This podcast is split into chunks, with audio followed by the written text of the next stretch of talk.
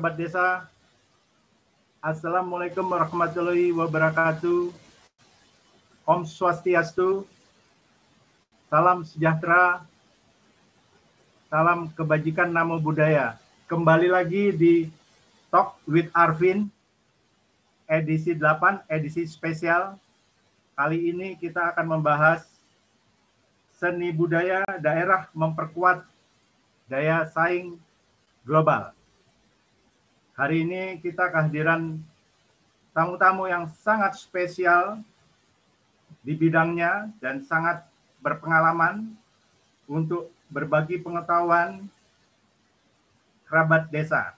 Kerabat desa yang budiman, mari kita sapa narasumber-narasumber yang terhormat yang telah berkenan hadir di hari ini. Kita sapa terlebih dahulu Dr. Honoris Causa Setyono Juandi Darmono. Beliau adalah pendiri atau founder Tidar Heritage uh, Foundation. Selamat siang Pak Darmono. Selamat siang Bapak. Uh, mohon maaf um, uh, suaranya belum di un unmute. Ya, selamat siang, Pak Selamat siang, sehat-sehat Bapak. Semoga sehat selalu. Selamat siang. Ya, Ya, terima kasih. luar biasa.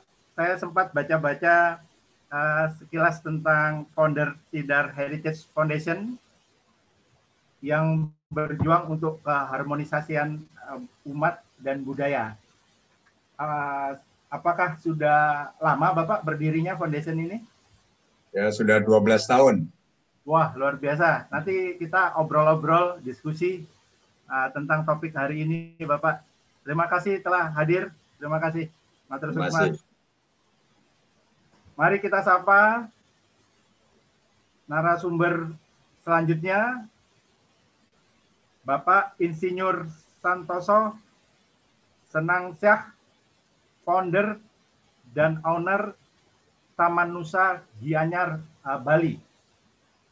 Apa kabar Pak Santoso? Siang Pak Alvin. Sehat-sehat. Bapak Sehat, kan? sehat semua. Ya, Sehat. Alhamdulillah luar biasa Taman Nusa sebuah taman budaya di pucuk bukit Gianyar 17 hektar luasnya bahkan rumah-rumah asli ratusan tahun dibawa ke sana dari seluruh Indonesia beserta komunitasnya luar biasa. Sudah lama Bapak Taman Nusa? Eh, kita sudah beroperasional tujuh tahun. Tujuh tahun. Jadi Oke. eh, Taman Nusa sebagai destinasi wisata budaya Indonesia. di Bali Bapak ya. Jadi Ya, tapi masih masih terus berjuang, ya, masih betul. terus melengkapi. Iya, jadi seluruh dunia datang ke Bali bisa tahu Indonesia datang saja Iya. ke Taman Nusa. Wah, oke. Iya, Terima kasih Bapak. itulah. Nanti kita obrol-obrol lagi. Ya, saya akan Baik, menyapa baik. eh, Terima anggota kasih. yang lain. Selanjutnya narasumber terhormat kerabat desa dari LIPI, Dr. Obing Katubi. Beliau adalah peneliti utama di Pusat Penelitian Kemasyarakatan dan Kebudayaan PMB LIPI. Beliau juga seorang visiting professor di Tokyo University for Foreign Studies, Jepang. Apa kabar Dr. Obing? Di Ya, Jakarta terima kasih. sehat-sehat? Terima kasih Mas Arvin sudah diundang ke sini. Sama-sama.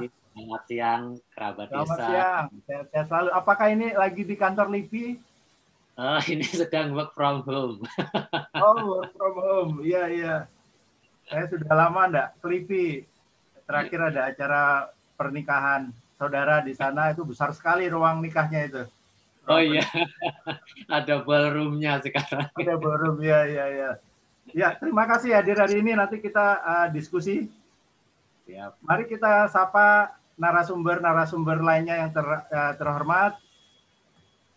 Seniman budayawan daerah uh, Senusantara. Ada Bapak Nasar Albatati. Beliau adalah Wasekjen Dewan Kesenian Daerah Jawa Timur. Pak Nasar, apa kabar? Pak Nasar? Tadi saya lihat, oh ya Pak Nasar masih belum di unmute Pak Nasar. Ya, saya unmute dulu. Mohon di unmute Pak Nasar. Oke, Oke, terima kasih. oke. Apa kabar Pak Nasar? terima Sehat kasih, ya? Cak. Baik, baik, sehat, sehat, Mas. Sehat, Ini sehat. lagi di, di Iya. mana di Surabaya? Lagi di Surabaya, lagi di rumah ini. Lagi di rumah ini. Oke, oke. Iya. Buat semuanya, semoga sehat semuanya. Terima kasih. sehat pada semuanya. Ya, Ya, sama-sama. Mas. sehat selalu Pak Nasar. Dekat Surabaya sama Bali Sehat, dekat. Alhamdulillah sehat. sehat. Terima kasih Pak Nasar. Terima Akan kasih, kita terima sapa, kasih. terima kasih. Akan kita sapa Pak Iwayan Sutama. Beliau adalah seniman dalang, juga co-founder Desa Film Bollywood. Pak Wayan, sehat-sehat di sana ya? Siap, Pak Arvin, sehat. Iya. Terima kasih kehadiran. Apa ada wayang mau dipertunjukkan mungkin hari ini? Ya, Eh, boleh, boleh. Oke, siap. Terima kasih, Pak Wayan. Kita sapa uh, dari uh, I- Pak Iwang Arituan, Ketua Dewan Kesenian Kota Dumai, Riau. Apa sudah hadir Pak Iwang Arituan? Sepertinya belum masuk koneksinya. Dan kemudian dari Palembang, Ketua Dewan Kesenian Kota Palembang, Mas eh, Bapak Iqbal Ru- eh, Rudianto.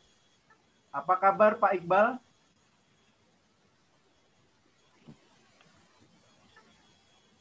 Belum belum hadir mungkin? Oke, Tidak- eh, tidak apa-apa nanti kita sapa eh, selanjutnya. Sebelum kita mulai diskusi hari ini, kita membahas bagaimana seni budaya Nusantara menjadi sebuah uh, kekuatan untuk Indonesia berkompetisi global, baik produk kreatifnya, wisata dunianya, dan uh, sebagainya. Mari kita saksikan dulu video, beberapa video. Yang pertama adalah video Taman Nusa. Kita pasti penasaran bagaimana Taman Nusa, seperti apa, dan juga ada video tentang desa film Bollywoodland. Terima kasih. Mohon ditayangkan videonya.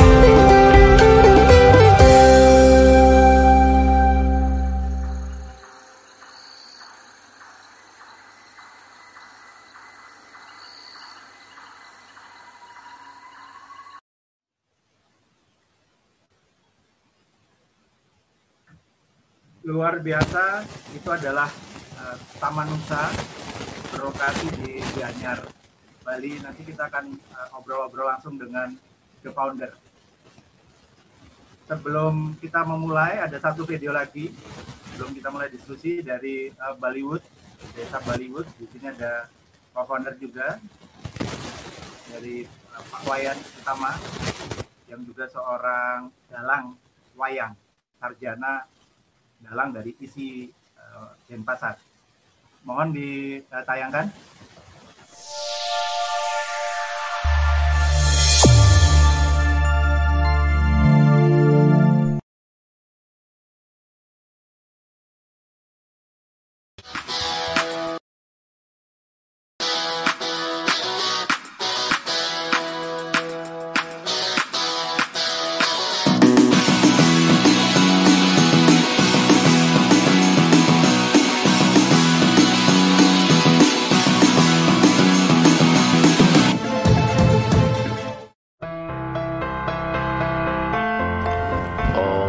Swastiastu. Selamat datang di Desa Abian Semal Dauh Yeh Chani. Desa Abian Semal Dauh Chani, Kecamatan Abian Semal, Kabupaten Badung.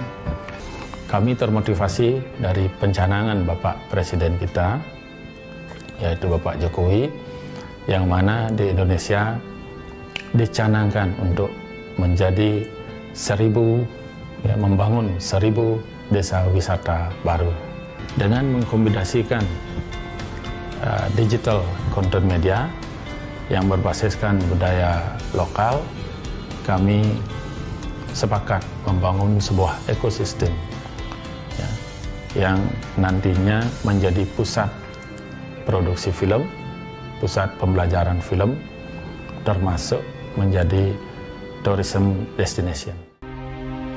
Bollywood Land, Silicon Film Max berkarakter lokal, orientasi ekspor.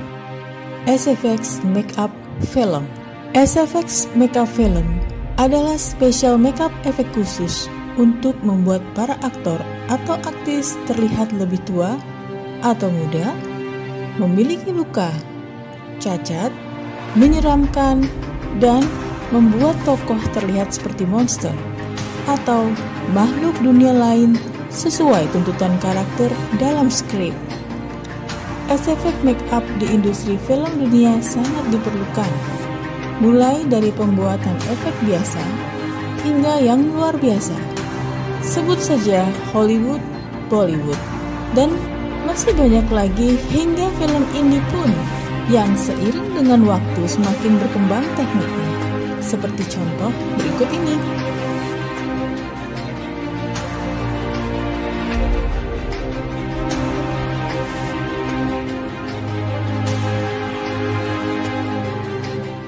Bahkan, SFX Makeup mendapatkan penghargaan di Oscar. Pemberian piala Oscar untuk makeup terbaik dari And tahun ke tahun. Bombshell, Kazuhiro, Ann Morgan, and Vivian Baker. The winner is Star Trek. Barney Berman, Mindy Hall, Joel Harlow. Um, we thank Youth Academy. Uh, we thank J.J. Abrams. Uh, Selain industri-industri film besar, PH-PH kecil, indie filmmaker, dari seluruh dunia juga membutuhkan SFX makeup film prostetik.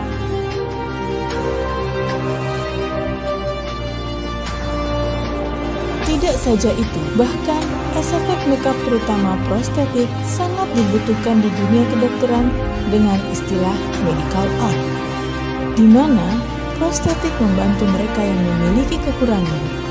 Walau tidak fungsional, namun dapat memberikan kesempurnaan yang dibutuhkan.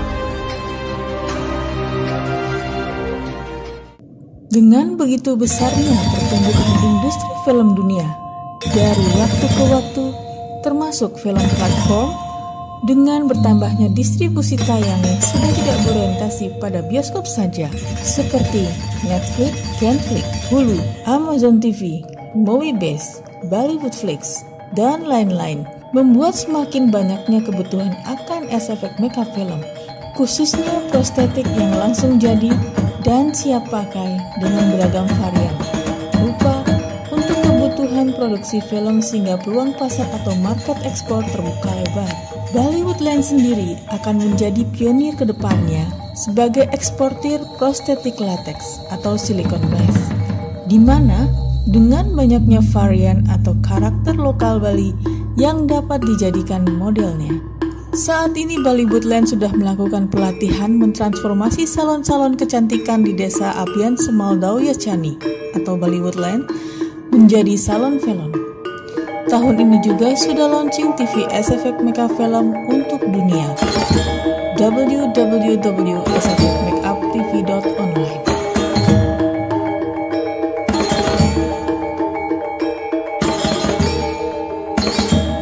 Ke depan, Bollywoodland akan menjadi pusat ekspor dunia untuk kerajinan film, khususnya silikon film emas berkarakter lokal.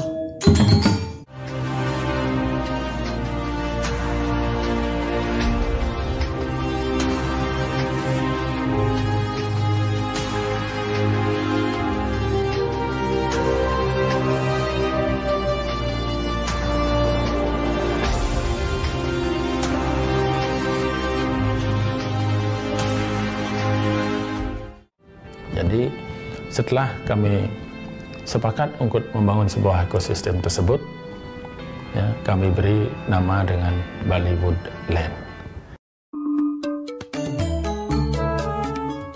Hi there guys, here is Lion, the CEO of My Movie Travel. Hi guys, that's Umberto from Italy, vlogger of Umbo underscore Muioli. And welcome to Bollywood Land. We're gonna introduce you some of the, our main points what we can uh, share to all the world about what Bollywood Land is in fact. It's a new tradition, a new war icon spirit. But what you can find in Bollywood? What you can find? That's a very good question.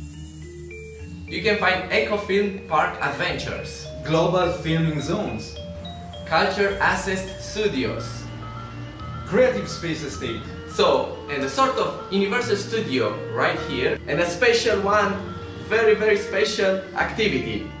Film Tourist Zones. Oh yeah. But what is good for? Global investment, Digital currency ecosystem, unique cultural learning and living experiences. creative project places. So definitely we would say that Bollywood is a place that if you are a wi- video maker And filmmaker. and filmmaker And vlogger. and vloggers for YouTube, you have to find this place. And not only, if you are yourself, if you want to express yourself and you are in Indonesia, in the heart of Indonesia, in Bali, this is the best place to be because this is a gate of Indonesia to the movie making. And coming to Bali is not just a tourist spot, it is a movie place and a movie area that's gonna introduce you to explore the new tradition and the old tradition as well of Indonesia. But there is so much more. Like Bollywood is giving actually back to the community. They are raising a new generation of video makers. So Yeah. and they are also teaching the local people how to promote their own villages, their own tourist areas by teaching them movie making. So, guys, join this project. Investors, put the money in, and everyone come to Bali and experience Bollywood. we are waiting for you. Bollywood, Bollywood. Bollywood. Kehadiran Bollywood Land menjadi jembatan untuk memajukan dan menggali potensi-potensi unggulan desa, baik berupa kebudayaan, kekayaan alam, maupun peninggalan bersejarah. Beragam potensi tersebut kemudian dapat dipromosikan kepada masyarakat global melalui kemajuan teknologi dan informasi. Saya menyambut baik cara mempromosikan dan menggali potensi-potensi desa seperti apa yang dilakukan oleh Bollywood Land dan menekankan bahwa warga desa sudah siap menjadi desa wisata dunia. Desa film ikon dunia berbasis budaya. Saya berharap Bollywood Land mampu mengembangkan desa-desa di Bali dan menjadikan ikon-ikon unik bertaraf internasional sehingga mendatangkan keuntungan secara ekonomi dan sosial. Saya juga berharap agar masyarakat desa dilibatkan secara intens dalam program Bollywood Land ini. Masyarakat desa harus tampil sebagai subjek, bukan sebagai objek semata-mata. Mereka harus menjadi pelaku dalam upaya mengembangkan desanya, bukan sekedar menjadi penonton. Ini penting dilakukan agar Bollywoodland menjadi milik bersama masyarakat Bali. Thank you, Mother Suksma. Dari Bali untuk Indonesia, dipersembahkan untuk dunia.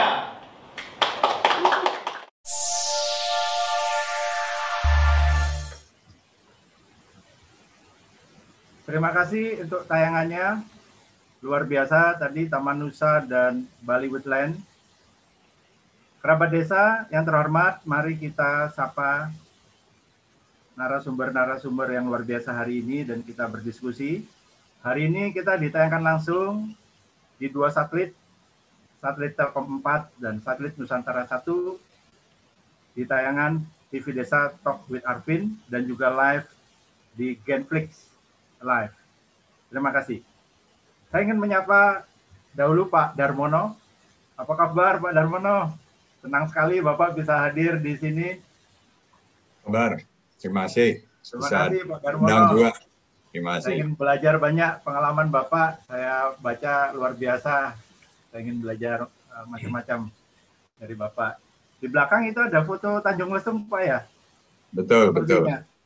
Ya. Oh, Bisa diceritakan mungkin Pak sebelum kita obrol-obrol mengenai Tanjung Lesung? Ya, Tanjung Lesung ini ada di Banten Selatan, di Kabupaten Pandeglang, yang dibuat dulu master plan-nya oleh Jepang, JICA, yang diberikan ke waktu itu pemerintah Jawa Barat, yang belum pecah dengan Banten, masih satu provinsi. Nah, waktu itu tahun 9, tahun 86 diberikan grant dua setengah juta dolar agar supaya Tanjung Lesung itu menjadi pemicu untuk pembangunan eh, dari sepanjang pantai selatan Pulau Jawa, mulai dari Tanjung Lesung sampai Banyuwangi itu bisa jadi Rivieranya Indonesia karena pantainya yang cantik ya, tapi bergunung-gunung Ya, banyak karang persis di Riviera. Jadi Belanda nggak pernah merencanakan membangun itu dulu. Nah pemerintah eh, merasa bahwa ini kalau dimulai dari Tanjung Lesung bisa eh, menciptakan lapangan kerja dan menonjolkan budaya dari Banten, Jawa Barat sampai ke Banyuwangi. Itu asal mulanya tahun 86. Tapi proyek ini kemudian eh, baru mendapat investor eh, dari kami, grup ada beberapa eh, pengusaha yang diminta pemerintah Jawa Barat untuk membangun ini dan oleh Pak Ayub Ave, Menteri Menteri Pariwisata saat itu, agar supaya ini dibikin seperti Bali. Jadi namanya Bali seperti Nusa Dua. Jadi disebutlah Banten TDC atau Banten Tourism Development Corporation. Nah, Tanjung Lesung sendiri, ya. Nah, Tanjung Lesung sendiri itu uniknya adalah persis di depan eh, itu apa di Selat Sunda menghadap ke Lampung dan di tengah antara Lampung dan Tanjung Lesung itu ada Krakatau. Dekat Krakatau ya. Terus juga tidak jauh dari ujung kulon. Ya. Nah, kemudian juga tidak jauh dari Baduy Village yang ada di Rangkas eh, Dengklok ya. Nah, di sana nah sehingga eh, ada hal-hal yang sangat penting bisa membuat Tanjung Lesung ini menjadi kelas dunia. Karena ada apa eh, kerajaan Banten itu dulu yang keraton Banten lama Sultan Agung Tirtayasa itu 400 tahun yang lalu kan sultan yang eh, hebat ya. Oke. Sebelum ada Singapura itu pantai apa pelabuhan terbesar adalah di eh, Cilegon di Banten lama. Jadi seluruh orang-orang dari mana-mana seluruh dunia kalau dagang itu ke Banten lama sebelum Sunda Kelapa. Ya. Nanti kerajaan besar itu kerajaan eh, Banten Sultan Agung Tirtayasa itu mengirim putranya dua ke London untuk mem- eh, menjadi duta besar pertama dari Asia Tenggara. Membawa ayam sabung dua, ayam sabungnya begitu hebat, terus masuk di Oxford Dictionary menjadi kelas Bantam. Bantam itu dari Banten. Oke. Jadi banyak budaya lokal ini yang kelas dunia bisa diangkat lagi. Maka Tanjung Lesung diberikan eh, apa ke kami untuk grup Jawa PK ini untuk bisa dikembangkan menjadi destinasi internasional untuk mengangkat eh, kesejahteraan rakyat Banten Selatan. Tentunya harus didukung oleh budaya lokal tadi, yaitu ada ada Baduy, ada tari-tarian di sana, ada tarian Dewi Tanjung Lesung, ya. Ya. Dan untuk mengangkat sebetulnya Banten ini mempunyai sejarah yang bagus, luar biasa, yang bisa menjadi destinasi internasional.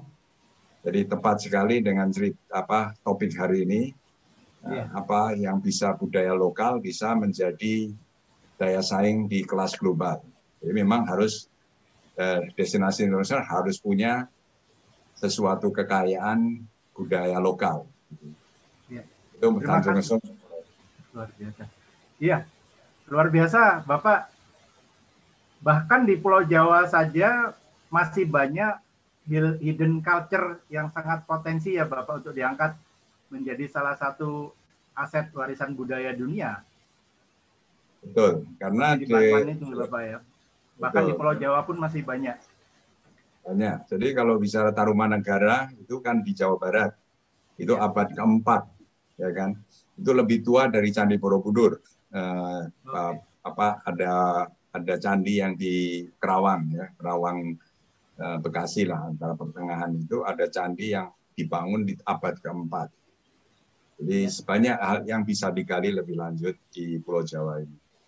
Jadi di Pulau Jawa pun sekarang Indo- Indonesia sentrisnya juga dilengkapi Bapak ya. Jadi tidak hanya Jawa Barat, Jawa Tengah, Jawa Timur, tapi juga membangun eh, Banten, di mana eh, ada warisan budaya mendunia yang berpotensi menjadi eh, warisan budaya eh, yang sudah di endorse oleh UNESCO. Ya, kita kan tahu Bapak mungkin ada wayang, ada angklung, batik, gamelan dan sebagainya. Kira-kira kalau di uh, Banten uh, ke depan adakah satu aset budaya yang bisa menjadi uh, warisan budaya dunia uh, yang diendorse oleh UNESCO, Bapak kira-kira? Sebetulnya di Banten itu banyak hal-hal yang apa istimewa, terutama kalau kita sambung dengan hal-hal yang mistis ya. Di sana ada debus, kemudian juga ada bedok rampak ya. Jadi kalau sekarang kita sering melihat di film-film Hollywood ya, nanti Bollywood buat-buat ya, Iya. hal-hal yang sebetulnya eh, banyak ditiru dari Indonesia. Jadi misalnya Superman, Superman tuh nyontek Gatot Kaca. Jadi ke jadi itu salah satu contoh. Nah, tapi di juga di Banten ini banyak orang-orang yang kalau debus itu kan orang orangnya kebal, Ya. ditusuk nggak masalah ya kan, dan macam-macam lah. Sebetulnya itu kalau dikembangkan nggak tidak kalah dengan misalnya yang sekarang di eh, China itu dikembangkan misalnya Shaolin. Jadi Shaolin itu para pendetanya itu juga kebal, tusuk sana tusuk sini. Wah, kita Banten juga ada. ya. Iya, iya. Nah, tinggal sejarahnya Banten itu harus ditulis ulang. Misalnya kayak Sultan Agung Tirtayasa dan sebelumnya lagi nah, di zaman masa-masa apa eh, kerajaan-kerajaan Hindu Buddha ya. Itu kan banyak juga cerita di sana. Yang kalau dijadikan buku, dijadikan film, jadi mendunia. Sehingga orang ingin berkunjung pergi ke Banten. Banyak sekali di Banten itu sebetulnya proyek eh, destinasi-destinasi yang bisa dilakukan. Karena ada Jepang juga pernah menjajah daerah sana. Itu ada satu tempat yang menarik.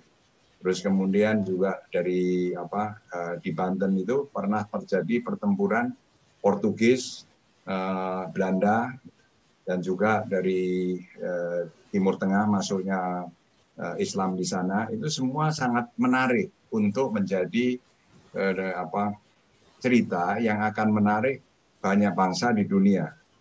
Iya. Jadi penting ya Bapak untuk uh, storytelling lokal. Sangat. Gimana ya? kira-kira storytelling eh, storytelling lokal ini bisa diterapkan kemudian menjadi brand baru di daerah tersebut, Bapak? Cerita, cerita tadi, debus dan sebagainya. Bagaimana sebetulnya kita sudah. jadikan storytelling untuk mengemas menjadi sebuah Jadi ini produk? memang ya masalah pendidikan SDM ini penting. Iya. Sebetulnya udah banyak ditulis folklore ya, cerita-cerita rakyat oleh penulis-penulis Banten.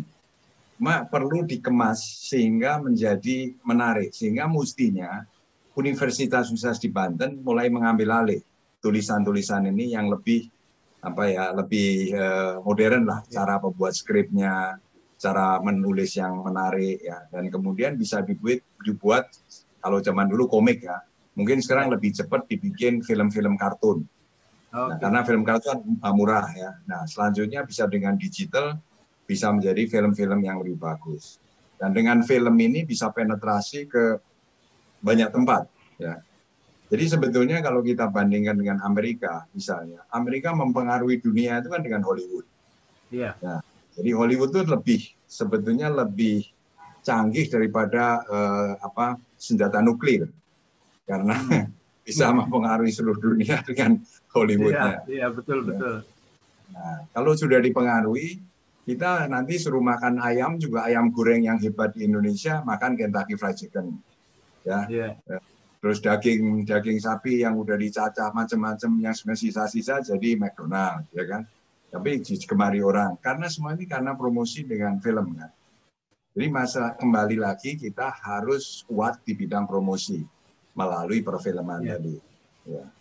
ya. Jadi banyak lah sebetulnya. Ada, semoga ya, nanti ke depan ada storytelling yang sangat pas ya untuk membuat produk-produk kreatif di Banten bisa mendunia. Nah, saya ingin tanya-tanya tentang uh, foundation Bapak uh, Tidar uh, Heritage Foundation. Ya, Tidar Heritage Foundation. Profilnya, hmm, bagaimana Bapak uh, bervisi dan misinya ini adalah membangun harmonisasi antar umat dan budaya dan persaudaraan uh, wisata religi. Yang uh, saya ketahui bahwa uh, jika kita bicara bahasa budaya, itu adalah komunikasi yang uh, konteks tinggi istilahnya, penuh dengan filosofi, ya, high uh, cultural konteks. Ya. Tapi juga kita pahami bahwa ada masih banyak masyarakat Indonesia yang uh, low uh, cultural context atau berkomunikasi secara praktis, ya, tidak uh, warisan warisan leluhur ini kan banyak bapak uh, berbicara mengenai filosofi filosofi bahasa bahasa filosofi yang sebetulnya adalah high cultural konteks budaya konteks tinggi. Nah, apakah challenge-nya menyatukan uh, banyaknya uh, perbedaan ini Bapak di, di uh, misi harmonisasi foundation Bapak kira-kira? Jadi sebetulnya kalau kita membaca sejarah di Nusantara ini kan ada banyak sekali dulu kerajaan yang masing-masing mempunyai budaya-budaya lokal sendiri. Di Bali, di Sumba, di Lombok, dan di Pulau Jawa, di mana di Sumatera. Semua ini mempunyai kearifan lokal, budaya lokal karena adanya dulu Kesultanan Sultan atau raja-raja. Nah, mereka, mereka di sini ini kemudian tiap-tiap daerah sebetulnya kalau menurut uh, apa banyak buku yang ditulis Bung Karno, ya tiap daerah itu sudah memiliki sebetulnya budaya yang luhur. Nah, kalau mungkin boleh disebut agama, sebenarnya sudah mempunyai agama sendiri-sendiri. Ya, tapi di, disebut sekarang menjadi kepercayaan dan di bawah eh, apa Bu Dirjen ke kebudayaan. Sehingga eh, ini cocok sekali dengan topik hari ini bahwa sebetulnya budaya-budaya ini memiliki eh, apa ajaran-ajaran berbudi luhur. Se yeah. Sebetulnya substansinya sama. Nah, Tidar Heritage Foundation itu berharap bahwa kami bisa menengahi eh, apa perbedaan-perbedaan itu dari segi kemasannya kan berbeda, tapi dari segi eh, substansinya sama. Dan itu cocok dengan Bhinneka Tunggal Ika waktu eh, Empu Prapanca mengatakan bahwa sebetulnya Siwa dan Hindu si apa Hindu dan Buddha itu atau Siwa dan itu memang berbeda. Hmm. Tetapi substan kebenaran itu selalu sama. Dan itu kan kemudian yang menjadi eh, Bhinneka Tunggal Ika. Saya lupa bahasa Sanskertanya kan ada itu di eh, Indonesia. Yeah. Jadi dari sanalah kemudian Tidar Heritage Foundation itu berharap kami bisa eh, menengahi apa perbedaan-perbedaan tadi kalau tidak disebut konflik ya. Nah, sebetulnya karena substansinya sama. Jadi tidar, kenapa namanya tidar? Karena tidar itu adalah Gunung Tidar itu terkenal sebagai pakunya tanah Jawa. Di tengah antara kalau kita tarik Nusantara, Tidar itu ada di tengah. Tidar di Sehingga tengah. di tengah Nusantara. Nah, di apa? Jadi dan juga memang ada legenda berkata ini pakunya tanah Jawa. Jadi waktu dulu bumi ini dibuat gunjang ganjing, dipakulah gitu ya, tanah di jadilah Gunung Tidar tadi. Nah, di sekitar Gunung Tidar itu banyak sekali eh, apa ajaran-ajaran yang berbudi luhur. Yang paling menonjol di dunia, satu keajaiban dunia dari tujuh keajaiban adalah Candi Borobudur. Nah, Tidar ke Candi Borobudur itu hanya 17 km. Nah, kemudian kalau ke Dieng, itu banyak lagi candi-candi di Dieng di sana. Kalau ke arah Jogja, ada Candi Prambanan. Nah, kemudian ada lagi eh, apa ajaran Katolik itu dimulai dari daerah di sekitar Tidar sana, di Muntilan, Mertoyudan, ada Sendang Sono ya. Nah, kalau Islam nggak nggak usah tanya, Wali Songo banyak sekali di daerah situ yang eh, pesantren-pesantrennya itu tumbuh di sekitar eh, Tidar ini. Jadi Tidar Heritage Foundation ini didirikan oleh para eh, tokoh-tokoh dari sebenarnya dari Magelang, misalnya Profesor Komardin Hidayat, Profesor Dr. Budi Su- Susilo Supanji, Profesor Bambang Pranowo. Itu eh, dengan background yang berbeda-beda, tapi mereka, kita sepakat bahwa Heritage Foundation itu bisa eh, me- apa, membawa mempromosikan bahwa orang Indonesia itu sebetulnya harmonis sejak zaman dahulu. Iya. Tidak pernah terjadi pertentangan meskipun kita terdiri 700 etnis, 700 suku dengan 700 eh, budaya yang berbeda-beda. Tapi tetap kita bisa bersatu karena sebetulnya hakikatnya sama, yaitu kita ini orang apa eh, rakyat yang atau bangsa bangsu suku-suku yang sebenarnya sudah mengenal akan Tuhan dari zaman dulu dengan sebutan yang berbeda-beda. Iya. Ya. Nah, ini kasih. bisa dijual, ya, bisa dijual ke seluruh dunia. Karena Hmm. dunia juga mengalami konflik yang sama karena Iya. perbedaan-perbedaan itu. Perbedaan Padahal itu. substansinya berbudi luhur itu ya sama, ya kan? Tujuan semua agama juga sama untuk bisa kembali kepada Sang Maha Pencipta, Sangkan Paraning Dumadi kalau orang Jawa bilang. Iya. Kita yakini memang Bapak bahwa eh, kita adalah induk eh, peradaban manusia sebetulnya. Tapi mungkin eh, sejarah dirubah sejak masa kolonial Belanda. Ya, kalau saya salah mungkin bisa dikoreksi.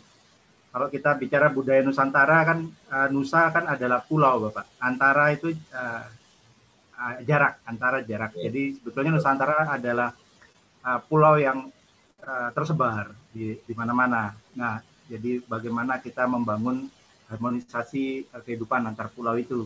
Nah, tadi menarik bahwa eh, Tidar Heritage menjaga eh, harmonisasi antar eh, umat, eh, antar masyarakat. Tentunya ini adalah eh, warisan leluhur kita, bagaimana kita memiliki sebetulnya budaya konteks tinggi tadi.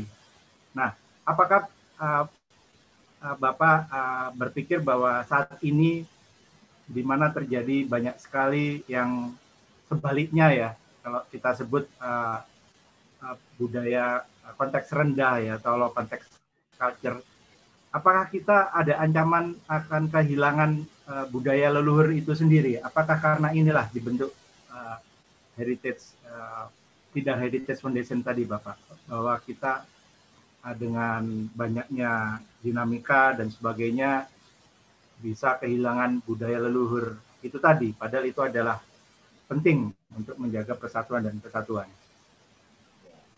Jadi eh, sejarahnya itu adalah karena di tahun 98 itu terjadilah peristiwa apa jatuhnya Orde Baru dan kemudian eh, banyak terjadinya pertikaian di Indonesia, di Ambon dan di Bali juga ada bom Bali. Sehingga Indonesia itu dicap oleh dunia sebagai negara yang mungkin kurang beradab gitu. Nah, ini membuat kita kita nih yang berkumpul waktu itu merasa sedih. Eh, Kita merasa juga bagaimana uh, negara yang begini besar, tapi juga seolah-olah kita ini hilang dari uh, peta dunia. Memang kalau dilihat di televisi-televisi di CNN, televisi Barat ya semua, itu kalau baca weather forecast itu nggak ada Jakarta. Mungkin banyak yang tidak perhatikan. Jadi di tahun 98 sampai tahun 2000 mungkin 8 9 ya, baru Indonesia kembali di map. Itu karena kita dianggap bakal bubar kali. Ya, seperti Yugoslavia. Maka eh, upaya dari tidak Foundation para pendirinya ini bagaimana kita bisa membantu negara untuk mencitrakan Indonesia yang berbudaya, yang berbudi luhur. Nah, dengan waktu itu mempromosikan Candi Borobudur. Bagaimana bisa bangsa Indonesia yang katanya dituduh begini begitu, kok di abad ke-78 sudah bisa membangun candi seperti ini, yang teknologinya tentu tinggi. Itu uh, awal mulanya kenapa uh, kami mem membentuk Tidak dari Foundation dengan visi misi untuk mempromosikan harmonisasi di Indonesia dalam bidang budaya tadi.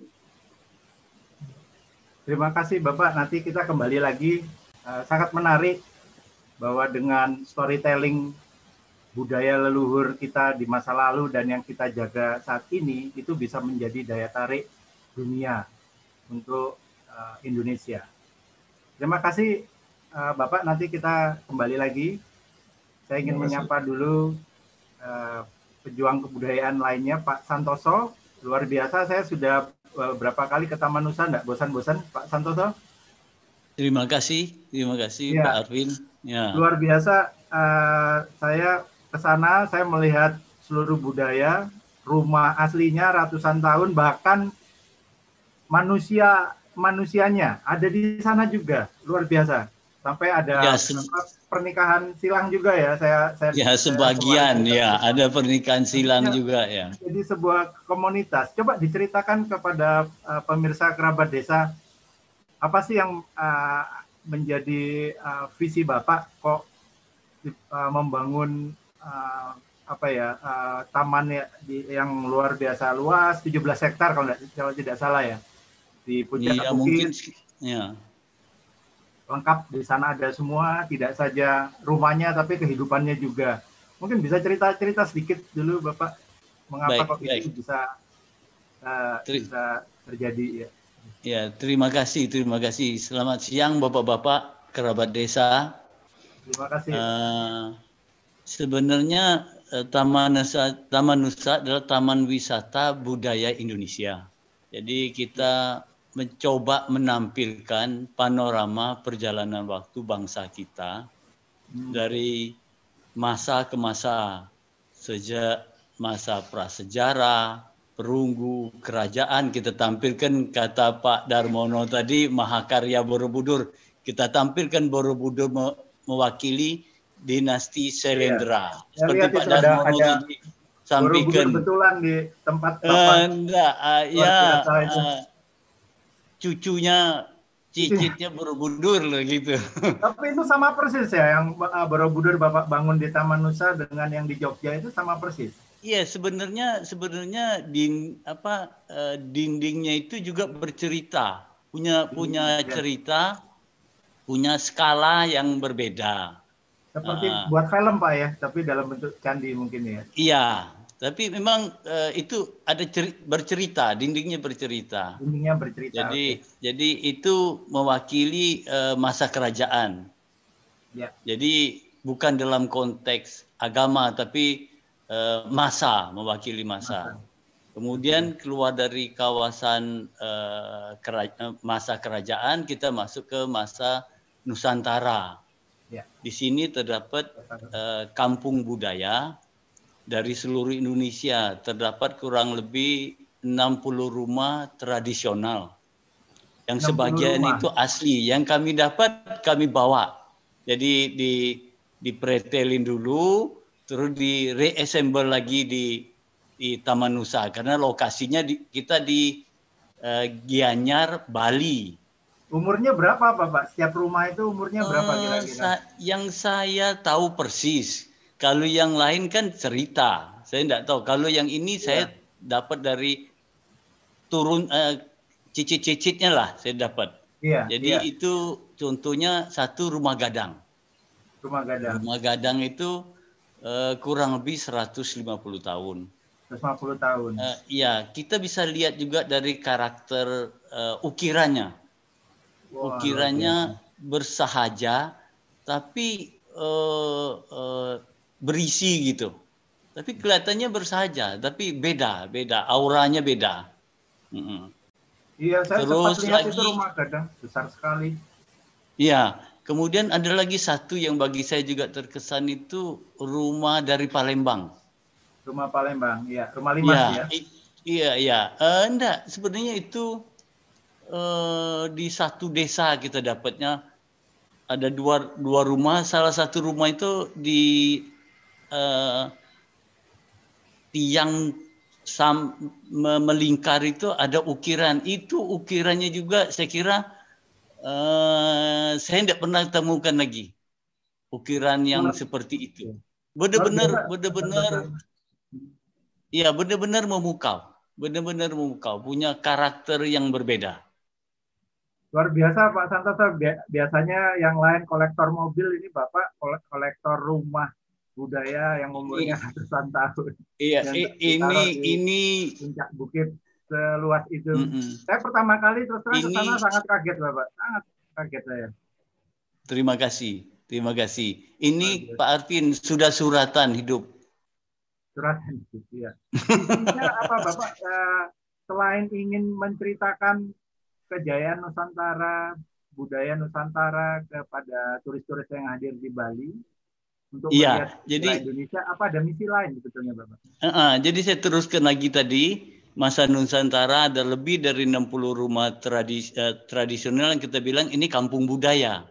Kampung Eh, budaya. Di oke. sini pengunjung dapat eh, mempelajari dan menik- menikmati kegiatan aktivitas dari etnis-etnis budaya. Jadi ada eh, kesenian, ada tarian, ada musik, kemudian ada kerajinan, kemudian khusus untuk Bali kita sampaikan eh, cara ritual eh, masyarakat masyarakat Bali. Mm-mm, Oke. Kita tampilkan. Kemudian keluar dari kampung budaya, kita masuk ke Indonesia awal. Di Indonesia awal ini terdapat kembali seperti Pak Darmono lagi tadi concern bahwa kita harusnya semua etnis, semua suku bangsa, termasuk di sini golongan Tionghoa harusnya bersatu.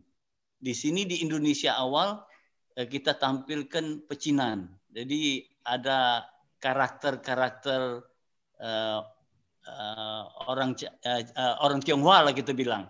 Di sini kita masuk Indonesia awal. Kemudian ada sumpah pe- eh, sumpah palapa berupa patung Gajah Mada dengan latar belakang Candi Trowulan. Itu di satu kawasan yang kita bilang Indonesia awal. Setelah dari sini kita melintas satu pelengkungan, pelengkung gitu, pelengkung karena saya saya bersyukur punya kesempatan di Jogja. Saya orang Jambi, tapi punya kesempatan untuk bersekolah di Jogja. Di Jogja itu ada pelengkung-pelengkung bagi saya itu eh, punya arti. Jadi eh, saya simbolkan sebagai eh, sumpah pemuda. Jadi dari Indonesia awal masuk ke Sumpah Pemuda, sampailah kita ke Indonesia Merdeka. Di situ ada patung Pak Kar patung Pak Karno dan Pak Hatta dengan latar belakang teks proklamasi. Itu eh, i- kita bilang Indonesia Merdeka. Kemudian keluar dari eh, kawasan Indonesia Merdeka, kita masuk ke kawasan Indonesia masa kini. Di sini terdapat diorama miniatur kereta api. Oke. Ya, selesai dari Indonesia masa kini kita menyeberangin jembatan itu menuju eh, kawasan harapan Indonesia masa depan. Terdapat satu perpustakaan, tiga museum, dan satu ruang pameran. Jadi eh, harapan kami itu kami sim, mm, simbolkan. Contohnya eh, perpustakaan arsitekturnya eh, Sapulidi. Ini karya dari Pak Gunawan Cahyono, Profesor Gunawan Cahyono. Uh, ini karya beliau bahwa bangsa kita ke depan harus bersatu. Simbolnya arsitekturnya Sapulidi. Kemudian semakin cerdas itu ada perpustakaan, tidak melupakan budaya bangsa kita. Ada tiga museum budaya. Satu museum etnografi, kedua museum wayang, ketiga museum kain Okay. Ada satu ruang pameran yang kita peruntukkan bukan saja untuk kita, tapi uh, sebenarnya bagi bangsa bangsa-bangsa lain. Uh, pemikirannya itu untuk uh, mengetuk hati kita bahwa uh, kita bukan satu-satunya, kita bukan yang terhebat, kita harus open minded, kita harus terbuka berhubungan dengan bangsa-bangsa lain. Itu okay. itu pemikirannya. Uh, setelah itu di antara kawasan museum dan perpustakaan itu kita ada pelataran. Uh, di situ ada tumbuh satu pohon Kamboja. Ya. Karena pohon bunga Kamboja ini punya arti yang khusus bagi kami masyarakat di Bali. Jadi apa pun capaian kami kita, seberapa pinter juga kita, seberapa kayanya juga kita, Eh, kita harus selalu ingat kepada Tuhan Sang Pencipta kita. Kemudian di bawah pohon Kamboja ini ada kompas. Hmm. Kompas uh, kita harapkan bahwa kita bagian daripada bangsa ini harus tahu dan ikut serta. Kita ini mau berangkat ke, mau dibawa ke mana? Oke. Ya. Jadi ada kompas. Itulah itulah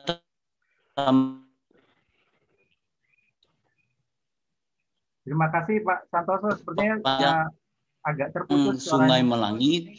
Ya. Iya, iya agak terputus Pak Arvin ya. Sudah, hmm. sekarang sudah jelas. Ya. Ya. Silakan.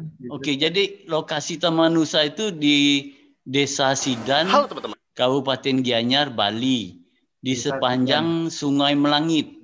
Jadi lingkungannya memang sangat mendukung. Iya, saya lihat dikelilingi hutan yang sangat asri. Ya, har harapan sebenarnya visi kami eh, mau menjadikan Taman Nusa itu eh, menjadi pusat pelestarian dan riset budaya bangsa kita. Iya, dan mengundang dan saat ini ya.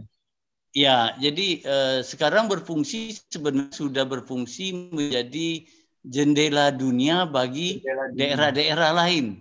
Di Bali ya? Iya, jendela dunia bagi daerah-daerah untuk mempromosikan potensi wisata, mempromosikan uh, uh, budaya, terus uh, memasarkan juga produk-produk budaya dan kerajinan ya.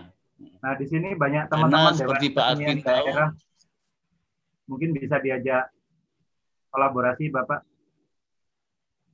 Iya, sebenarnya kita kita beberapa sudah bekerja sama, tapi kita semua welcome seluruh Indonesia. Indonesia nah, ya. Seperti di bidang produk kerajinan seperti seni, uh, Pak Alvin bilang seni budaya. Iya, produk kerajinan itu kan bagian daripada uh, sen, produk kerajinan itu bagian dari uh, seni budaya. Jadi ya. dengan produk kerajinan ini kita juga bekerja sama dengan Dekaranas. Gitu. Itu, Terima kasih Pak Santoso tadi menarik tempat uh, berbicara uh, Gajah Mada. Saya melihat itu patungnya besar sekali. Ya, saya saya langsung mengira-ngira yes. wah ini uh, misi misi yang uh, terlihat sebetulnya sudah di, dari Taman Nusa.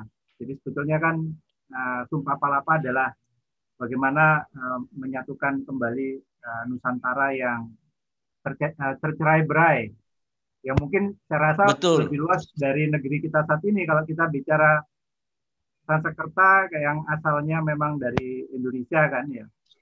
Uh, yeah. Tadi sempat berbicara satu Tuhan atau Ajisaka ya satu Tuhan ada di Sanskerta tapi Sanskerta sendiri kan artinya adalah sebetulnya kerta itu empat, ya, Sansa itu bangsa empat bangsa. Ya, jadi saya ya. rasa bangsanya bukan bangsa Indonesia saja tuh, jangan-jangan ada uh, bangsa kan katanya sampai dulu sampai Madagaskar, sampai Afrika ya atau Thailand, Thailand. Ya. Apakah ya. jangan-jangan misinya adalah misi uh, Sumpah Palapa itu yang menjalankan amanat uh, yang buruk ya untuk uh, mengumpulkan kembali uh, Nusantara yang tercerai berai. Apakah ini harfiah bahwa uh, manusia uh, menjadi satu kembali uh, tidak ada perbedaan, satu Tuhan dan satu uh, nilai toleransi? Ataukah uh, nilai luhur itu apakah nilai harfiah itu ataukah wilayah wilayahnya sebetulnya? Karena kalau dari Sanskerta sendiri kan empat bangsa itu. Ya, tadi ada Afrika, Asia, ya. Nusantara, Sebenarnya Jawa. Uh, kami penempatan uh, uh, Sumpah Palapa itu sebenarnya bagi bagi kami itu kan Indonesia awal. Dengan Sumpah. Palapa ini memberi inspirasi kepada founding father kita ya, untuk ya. Uh, satu Indonesia. Satu Indonesia. Jadi jadi memberi inspirasi saja dalam okay. konteks uh, uh, adanya uh, Sumpah Palapa dan patung Gajah Mada di sana. Kemudian masuk ke uh, Indonesia Merdeka. Itu hmm. Pak Alvin. Ya, terima kasih. Nanti kita ngobrol lagi. Uh, saya ingin menyapa dulu. Terima kasih Pak Santoso. Saya ingin menyapa terima dulu. Kasih, terima kasih. Obing luar biasa. Saya saya tidak bosan-bosan ke Taman Nusa. Nanti teman-teman yang hadir di sini ataupun pemirsa kerabat desa, kita rekomendasikan kalau ke Bali harus ke Taman Nusa. Ya, melihat Terima kasih. Uh, tadi Terima patung, kasih. Welcome. Ya, yang sangat besar tadi ada patung founding father Soekarno Hatta, ada ya. patung Gajah Mada dan banyak sekali rumah-rumah yang usianya ratusan tahun ada di pucuk bukit Gianyar. Luar biasa. Terima kasih. Terima Bapak. kasih. Uh, Pak Dr. Obing, apa kabar? Baik, Mas Arvin. Ya, Pak Dr. Obing, beliau adalah peneliti utama uh, Pusat Penelitian Kemasyarakatan dan Kebudayaan LIPI, juga seorang visiting profesor di uh, Tokyo uh, University. Wah, pasti pintar bahasa Jepang ini, Bapak. ya. Malah Bapak, bisa tadi, tadi sempat kita sampaikan bahwa tadi setelah uh, diskusi dengan senior-senior kita yang sangat luar biasa berbagi pengetahuan dan pengalaman, saya menilai bahwa Indonesia itu sebetulnya adalah mondial culture ya. Mondial culture ini maksudnya budaya yang sebetulnya dimiliki oleh dunia ya kayak budaya Bali ya menjadi ikon budaya ikon dunia. Tapi tentunya kan budayanya banyak sekali. Nah, dan terutama uh, warisan uh, budaya leluhur yang disampaikan tadi bagaimana nilai harmonisasinya dan dan konteks tingginya tadi. Nah, apakah di dalam sejarah uh, kolonial, ya, Bapak kan seorang peneliti ya, ada upaya untuk merubah jalan cerita itu. Ya, jadi kita akhirnya lebih tercerai berai kan dulu ada bahasanya apa? Divide et Ampera ya atau atau bahasa-bahasa inilah pemecah belahnya. Apakah karena itu uh, sejak kolonial akhirnya uh, mengalami degradasi kita banyak sekali menemukan uh, flow cultural context tadi. Kira-kira bagaimana Bapak menurut pandangan Bapak? Ya, terima kasih Mas Arvin. Selamat ya. siang sahabat desa Selamat semuanya. siang Pak Dokter. Ya. Selamat siang uh, para senior semuanya. ya, setelah saya mendengarkan uh, paparan dari uh, Pak Santoso Senangsia, Pak Dr. Setiono Gandhi Darmono, kemudian lihat film dari desa film Bollywood Pak Iwayan Sutama. Rasanya hmm. saya sekarang pengen terbang ke Bali, ke Tanjung Lesung, ke Gianyar, ke mana begitu ya. Iya. hebat hebat, serius hebat sekali boleh itu. Baik, uh, Mas Arvin, uh, begini. Intinya kan sebetulnya uh, kolonialisme itu uh, bisa menguasai uh, di mana pun ya. sebetulnya ini ya, triknya ya. sebetulnya. Yeah. Nah, itu adalah pertama menguasai uh, kebudayaannya dulu. Yeah. Jadi Uh, jadi mereka sebetulnya masuk uh, awal-awal itu kan tidak tidak langsung dengan uh, apa namanya kekuatan senjata begitu kan sebetulnya kan. Nah, jadi uh, cara mereka menguasai kita dalam tanda petik ya artinya ya uh, yeah. apa ber, ber, berbagai uh, suku bangsa pada saat itu adalah uh, menguasai uh, kebudayaan dan salah satunya adalah ya juga bahasanya gitu ya artinya misalnya kayak uh, Snowboard untuk mengalahkan Aceh mereka betul-betul mempelajari bahasa Aceh itu dan kebudayaannya yang sampai luar biasa sampai mereka bisa menulis buku tata bahasa Aceh dan uh, menuliskan kebudayaannya begitu. Nah jadi uh, memang kemudian penguasaan uh, aspek kebudayaan itu mereka gunakan bagaimana untuk katakanlah dalam tanda petik ya mencerai beraikan, memisahkan Eh, kita satu dengan yang lain. Eh, tanpa itu sebetulnya tidak akan bisa.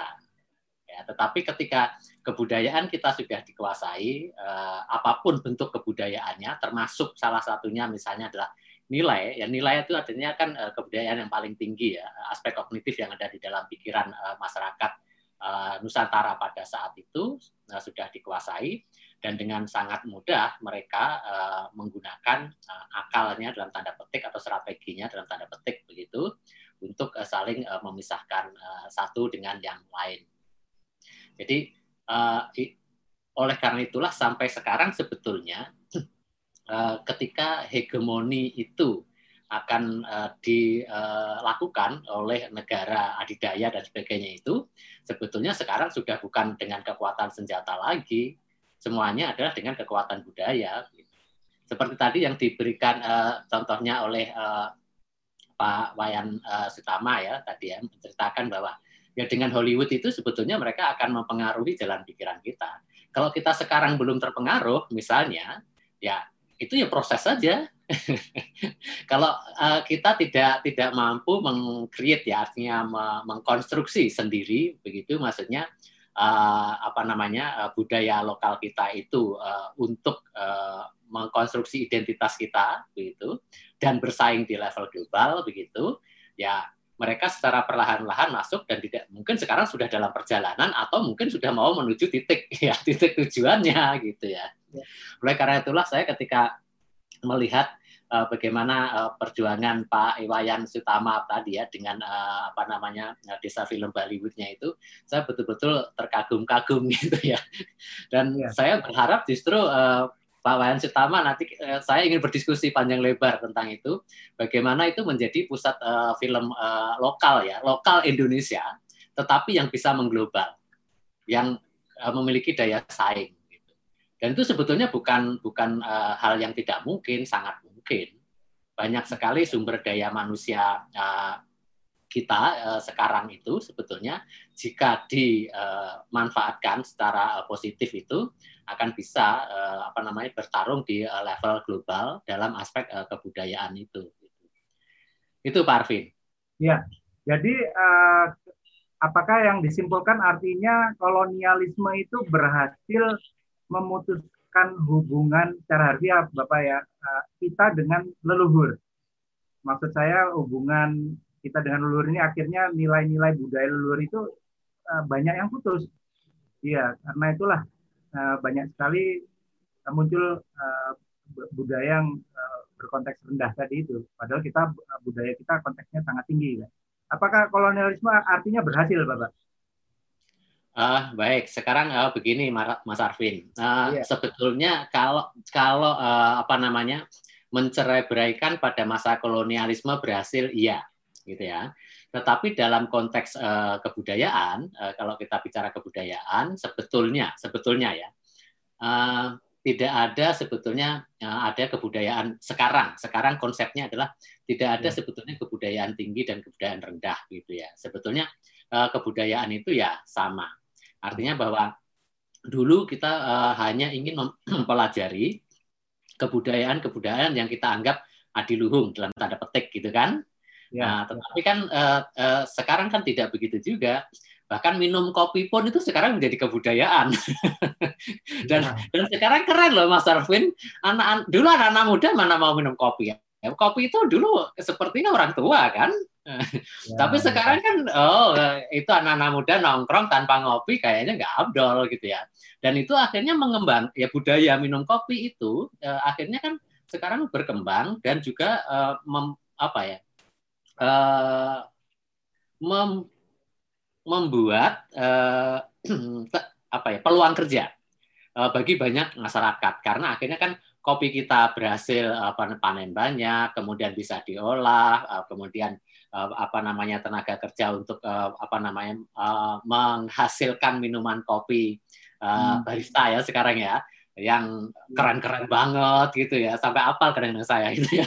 nah, nah itu sebetulnya uh, sekarang konsepnya memang ya, budaya memang tidak ada yang namanya budaya adiluhung tinggi, budaya rendah gitu ya. Sebetulnya semua aspek kebudayaan itu bisa uh, kita manfaatkan untuk uh, bertarung di level global kalau gini uh, Mas Arvin kalau kita berhasil dalam mengkreativitaskan gitu ya kebudayaan tadi. Baik yang dikatakan yang rendah ataupun yang tinggi itu gitu Mas. Nah kemudian kalau ditanyakan apakah uh, kolonial itu berhasil memutus dengan uh, berbagai sumber kebudayaan begitu? Uh, sebetulnya uh, tidak juga Mas Arvin akhirnya Sebetulnya kan gini, kebudayaan itu kan hasil konstruksi pertemuan antara satu kebudayaan dengan kebudayaan lain. Oke. Contoh yang paling gampang adalah begini. Uh, dulu, dulu ini tadi kan uh, Pak Darmono menceritakan tentang uh, candi uh, Jawa masa lalu gitu. Akhirnya saya ingat Pak Darmono. dulu sebetulnya masyarakat Jawa itu kan orang agraris ya. Nah, masyarakat agraris. Nah, kemudian uh, datanglah pengaruh uh, kebudayaan Hindu, ya kan? Nah akhirnya kan uh, mendialogkan itu antara kebudayaan Jawa yang agraris dengan kebudayaan uh, Hindu yang pada saat itu sedang uh, apa namanya maksimal maksimalnya begitu menghasilkan kebudayaan yang luar biasa yang bisa kita nikmati sampai sekarang. Nah begitupun misalnya kedatangan uh, misalnya uh, apa namanya uh, kebudayaan uh, saya tidak tahu Pak Senangsa misalnya kita sering menyebut uh, orang Tionghoa atau misalnya uh, apa namanya teman-teman uh, dari uh, uh, Cina begitu ya. Tapi kan akhirnya bertemu kan kebudayaan itu kan akhirnya misalnya berbagai aspek kuliner kuliner kita itu sebetulnya kan banyak juga pengaruh dari misalnya kebudayaan apa namanya orang Tionghoa itu gitu. Nah kemudian nanti juga begitu pun misalnya pertemuan antara kebudayaan yang berbasis agama Islam Kemudian ada lagi pertemuan yang berbasis uh, kebudayaan Barat. Gitu. Jadi sebetulnya Mas Arvin, uh, kebudayaan kita itu sebetulnya hasil dialog, ya hasil dialog, begitu seperti pertemuan, begitu ya, uh, konstruksi berbagai hal gitu uh, dari satu kebudayaan ke kebudayaan yang lain. Nah, tetapi kita selalu uh, mengadopsi atau mengadaptasi atau menginovasi. Jadi tidak ambil tidak diambil plok. Mungkin nanti Pak eh, Santoso Senasa bisa menceritakan, misalnya uh, beberapa beberapa aspek pengaruh kebudayaan Cina di Indonesia, misalnya gitu. Itu pasti tidak akan sama persis plok seperti yang ada di Cina sebetulnya. Iya. Betul. Menarik, menarik. Tadi bicara ya. apa uh, tadi ya kita kok uh, kuliner ya kulineri salah satu ya. industri kreatif. Betul. Jadi industri kreatif berbasis budaya salah Betul. satu uh, tema juga bisa kita jadikan tema hari ini. Uh, bagaimana uh, cara storytelling yang tepat, Bapak? Untuk misal, misalnya bagaimana brand kopi ini bisa mendunia melalui storytelling storytelling budaya tadi, Bapak? Ya, baik. Uh, sekarang gini, Mas Arvin dan uh, mungkin uh, apa kerabat desa semuanya. Iya. Uh, di dalam uh, daya saing ya daya saing global itu uh, hal yang ditekankan kalau saya uh, apa namanya baca dengan baik itu kan sebetulnya tiga hal saja. Pertama adalah uh, kekuatan inovasi, kedua adalah uh, nilai tambah dari inovasi itu, dan yang ketiga adalah aset. Nah, aset, aset terbesar Indonesia itu sekarang itu adalah kebudayaannya itu dengan segala unsurnya ya, bukan hanya seni. Seni itu hanya salah satu saja. Bahasa, kesenian, tradisi lisan, pengetahuan tradisional, ritus, adat istiadat, permainan rakyat, olahraga tradisional, semuanya itu adalah kebudayaan yang harus kita manfaatkan secara positif untuk uh, namanya uh, daya saing tadi. Nah, artinya apa sekarang bahwa uh, kalau kita mengandalkan sumber daya alam, Mas Arvin, sumber daya ya. alam kita itu mungkin udah habis. Iya, iya, betul, betul. nah, sekarang kekuatan kita ya yang yang luar biasa hebat itu adalah kebudayaan tadi. Nah, sekarang saya bisa memberikan contoh Mas Arvin, pas uh, opening ceremony atau pembukaan uh, Asian Games tahun 2018, uh, hmm. mungkin Mas Arvin dan uh, kerabat desa semuanya masih ingat begitu ya bagaimana orang di seluruh dunia itu gitu ya sampai melongo gitu ya melihat bagaimana uh, seluruh bukan seluruh lah misalnya itu mungkin hanya sekecil aja 10% ya dari tradisi Indonesia itu dikemas gitu kan di dalam tampilan opening ceremony Asian Games 2018 ya. tarian Ratu Jaru yang sampai seribu orang gitu ya. Sampai teman Jepang saya itu nanya gitu e, Mas Ubing itu tuh orang beneran katanya Orang saya bilang gitu. Iya. Teman dari Eropa satu nanya Belanda itu Pak Darmono. Gitu. Iya, iya, itu orang iya. beneran ya Obing? Ya orang saya bilang gitu ya. Karena kalau di luar negeri itu Mas Arvin mengumpulkan seribu orang untuk menari itu mahal. Ya, Mereka tanya wani piro gitu ya istilahnya ya. ya. Kalau kita kan enggak kan, kita banyak anak-anak relawan yang mereka bukan penari begitu kan, uh, dilatih begitu uh, hanya sekitar enam bulan dan uh, seribu orang dan akhirnya menjadi tontonan yang luar biasa. Kemudian itu banyak sekali tradisi-tradisi dari berbagai daerah dikemas uh, dengan sangat luar biasa. Gitu. Ya, nah jadi Mas Arvin artinya bahwa uh, kita sebetulnya sekarang bisa uh, bersaing di tingkat global ya dengan berbasis kebudayaan tadi kalau ya asal ada kalonya. kalau kita pertama mau berinovasi, kemudian yang kedua eh, mau memberikan nilai tambah atas yang sudah ada, kemudian tiga ya. memelihara aset yang kita miliki kebudayaan itu untuk terus berkelanjutan. Nah, hmm. sekarang kalau, bicara, tadi Alvin, ya. Kalau bicara inovasi tadi Bapak untuk membangun global brand setelah apa kopi tadi ya menjadi ya. brand mendunia uh, oleh basis budaya. Apakah yang dimaksud dengan kawin silang budaya juga? Kawin silang budaya Nusantara bisa jadi sebuah inovasi? Ya.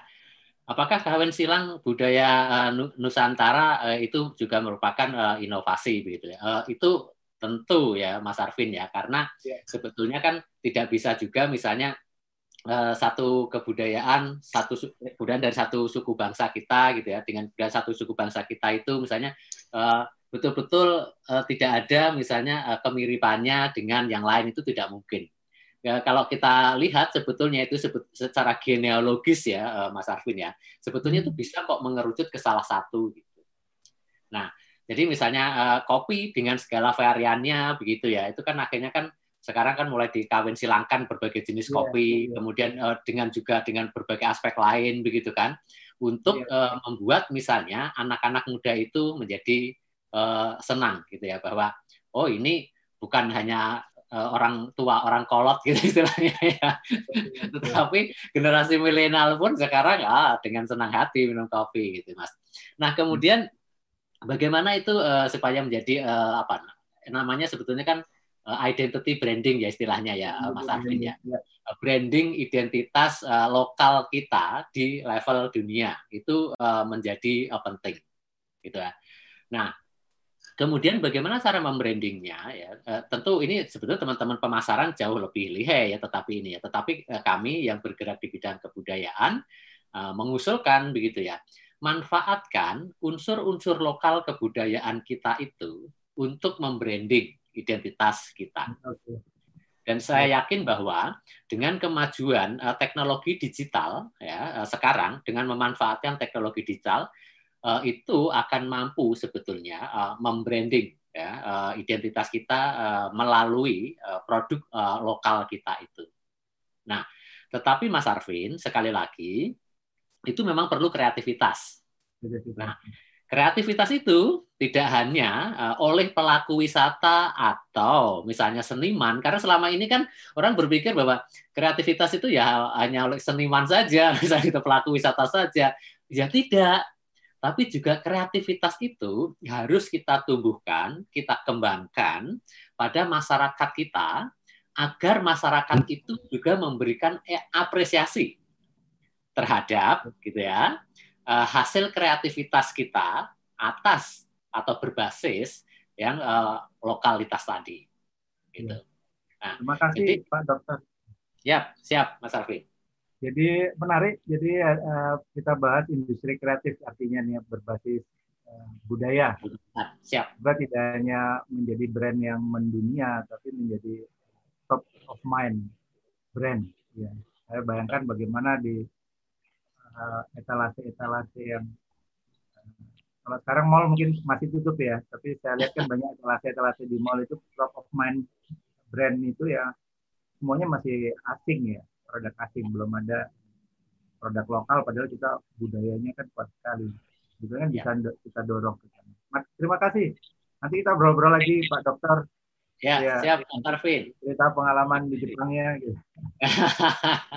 Dengan senang hati. Ya, Pak Nasar, saya ingin uh, menyapa Pak Nasar dari uh, Jawa Timur. Pak Nasar apa Halo, ada ya. Pak Nasar? Ada, ada Mas. Ya.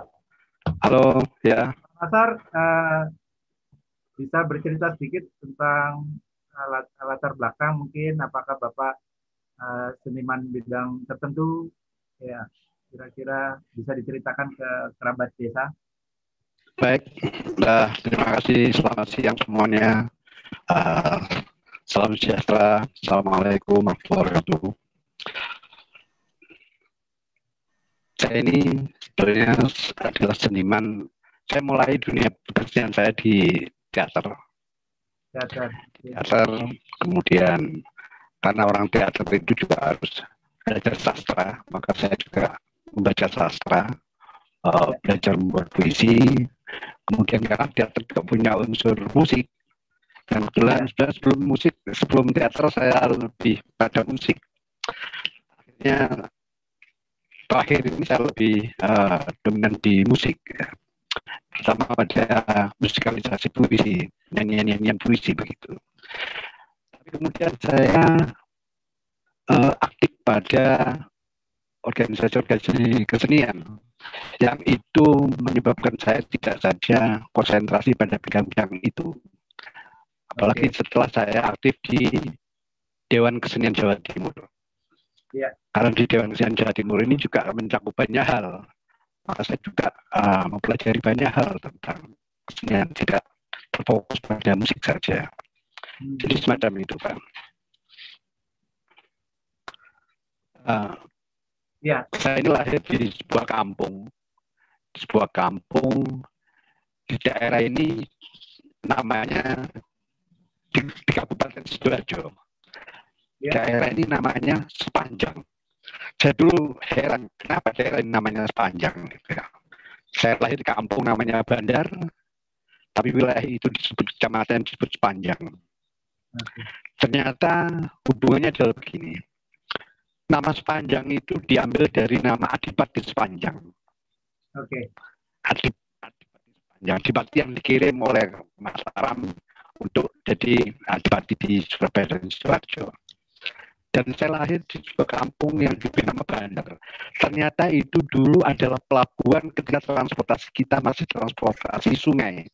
Kampung saya di sebelah sungai itu. Begitu. Okay. ya, Luar biasa. Uh, jadi Bapak asli Sidoarjo ya? Saya asli Sidoarjo. Saya lahir di Sepanjang. Saya lahir di Sepanjang. Oh, Sepanjang. Sepanjang. Dan ya. saya sampai sekarang kan tinggal di Sepanjang. Ya. ya. Bapak kan ini ya wakil sekjen Dewan Kesenian Jawa Timur. Nah, yang saya kenal uh, kesenian yang cukup terkenal itu ada Reok Ponorogo ya. Mungkin juga ya, ya. sudah dikenal oleh uh, seluruh dunia juga. Reok Ponorogo. Betul. Nah, apakah ada potensi yang sama dengan Reok Ponorogo mungkin di daerah Sidoarjo untuk dikemas menjadi uh, storytelling uh, industri kreatif uh, setempat? uh, begini, uh, saya berbicara Jawa Timur ini, karena saya di sekarang di periode sekarang ini periode saya keempat di Kemenkes Jawa Timur. Iya. Saya sekarang ini menjadi wakil sekjen satu bidang program. Jadi saya kedua saya juga bidang program, sekarang di bidang program juga. Saya ingin membicarakan tentang tidak khusus Sidoarjo ya, tapi saya ingin membicarakan tentang Jawa Timur. Iya. Kalau tadi Mas Alf, Mas Alvin mengatakan Ponorogo salah satunya. Memang Ponorogo uh, awalnya dikenal lebih dahulu di dunia gitu. Pak Nasar, Tapi- bisa didekatkan mic-nya sedikit, agak terputus suaranya. Mic-nya lebih didekatkan. Lebih apa? Iya. Oke, ya ya. Ya, kemudian begini, apa Jawa Timur kan mempunyai sembilan subkultur ya, mempunyai sembilan subkultur. Ada Using, Banyuwangi, yang sekarang lagi lagi mulai berkembang seperti perawan desa yang berkembang sekarang Using itu ya. Oke. Ah, Oke, ada Using. Kemudian ada kalau turun lagi ada Pendalungan. Ah, budaya Pendalungan. Budaya Pendalungan ini bu- budaya campuran Madura campur gitu ya. Madura campur, Madura campur Jawa, Madura campur Using yang tinggal di eh, sekitar lima kabupaten di Jawa Timur. Kemudian ada Madura sendiri, ada empat kabupaten. Kemudian ada wilayah uh, di daerah Probolinggo. Iya. Probolinggo itu sendiri wilayah Pendalungan. Tapi ada di wilayah Pendalungan itu ada suku Tengger, daerah Tengger sana. Iya. Kemudian kalau itu lagi ada namanya budaya arek. Nah, budaya arek ini meliputi Surabaya, Malang, Mojokerto, Jombang. Ah, di wilayah ini punya kesenian yang terkenal Ludruk. Yang terkenal Ludruk. Tapi juga punya wayang topeng di Kabupaten Malang. Topeng. Wayang topeng. Wayang topeng ini juga ada di Madura juga. Ada Wayang topeng. Kemudian ada daerah pesisir. Ya. Pesisir itu Gresik, Lamongan, Tuban, itu daerah pesisir. Daerah pesisir ini uh, ya Islam, Islam- Islamnya kuat sekali wilayah itu. Wilayah Islamnya sangat kuat sekali di wilayah pesisir Jawa Timur. Dan secara, secara umum wilayah pesisir adalah wilayah yang Islamnya kuat sekali. Kemudian ada daerah Mataraman. Daerah Mataraman ini daerah Nganjuk, Madiun, Kediri, itu daerah Mataraman. Di daerah Mataraman ada eh, satu wilayah lagi. Beberapa tahun terakhir ini, yang menarik adalah bahwa masyarakat di Jawa Timur ini mempunyai eh, tindakan budaya yang merupakan sebuah kesadaran budaya. Bagaimana menghidupkan lagi budaya-budaya itu dan gerakan-gerakan itu banyak dilakukan dengan wisata-wisata desa. Iya. Banyak daerah yang eh, mendirikan wisata-wisata desa yang otomatis di wisata-wisata desa itu faktor kebudayaan yang dikuatkannya. Faktor budaya yang menjadi daya tarik desa-desa itu. Iya. Ini Terima kasih. beberapa Bang. tahun ini. Luar, luar biasa. Sebetulnya banyak sekali potensi budaya di Jawa Timur untuk mendukung industri kreatif tempat. Karena saya lihat eh, banyak tadi wayang-wayang, ada wayang topeng dan sebagainya. Wayang sendiri kan sudah mendapatkan pengakuan dari UNESCO, Bapak. Ya, mungkin kan nanti cerita-cerita wayang ini bisa membantu eh, brand-brand atau merek-merek industri kreatif lokal. Apakah sudah Ya. dilakukan atau memang eh, eh, sedang dihimpun banyak cerita-cerita yang terpendam tadi? Eh, begini, jadi kalau untuk wayang topeng sudah sudah sekarang sudah internasional.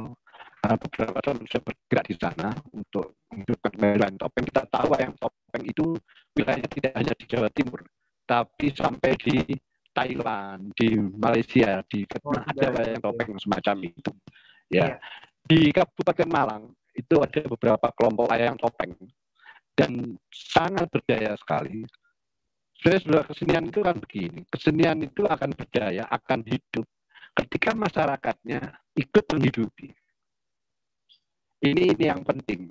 Seperti kalau kita lihat Bali saja, kenapa sih di Bali itu begitu hidup keseniannya, budayanya? Karena masyarakatnya masih menghidupi. Kesadaran berbudayanya sangat tinggi.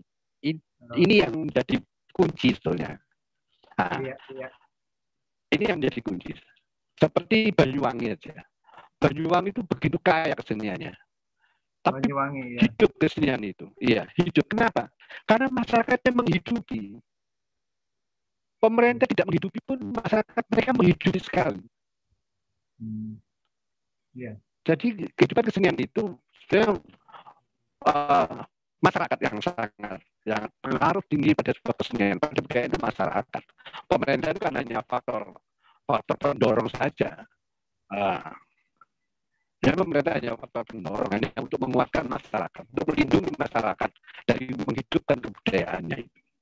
Itu saja. Tapi bagaimana eh, ini tugas pemerintah ya. Bagaimana pemerintah mendorong eh, kesadaran berbudaya masyarakat itu. Ini yang penting. Kesadaran budaya.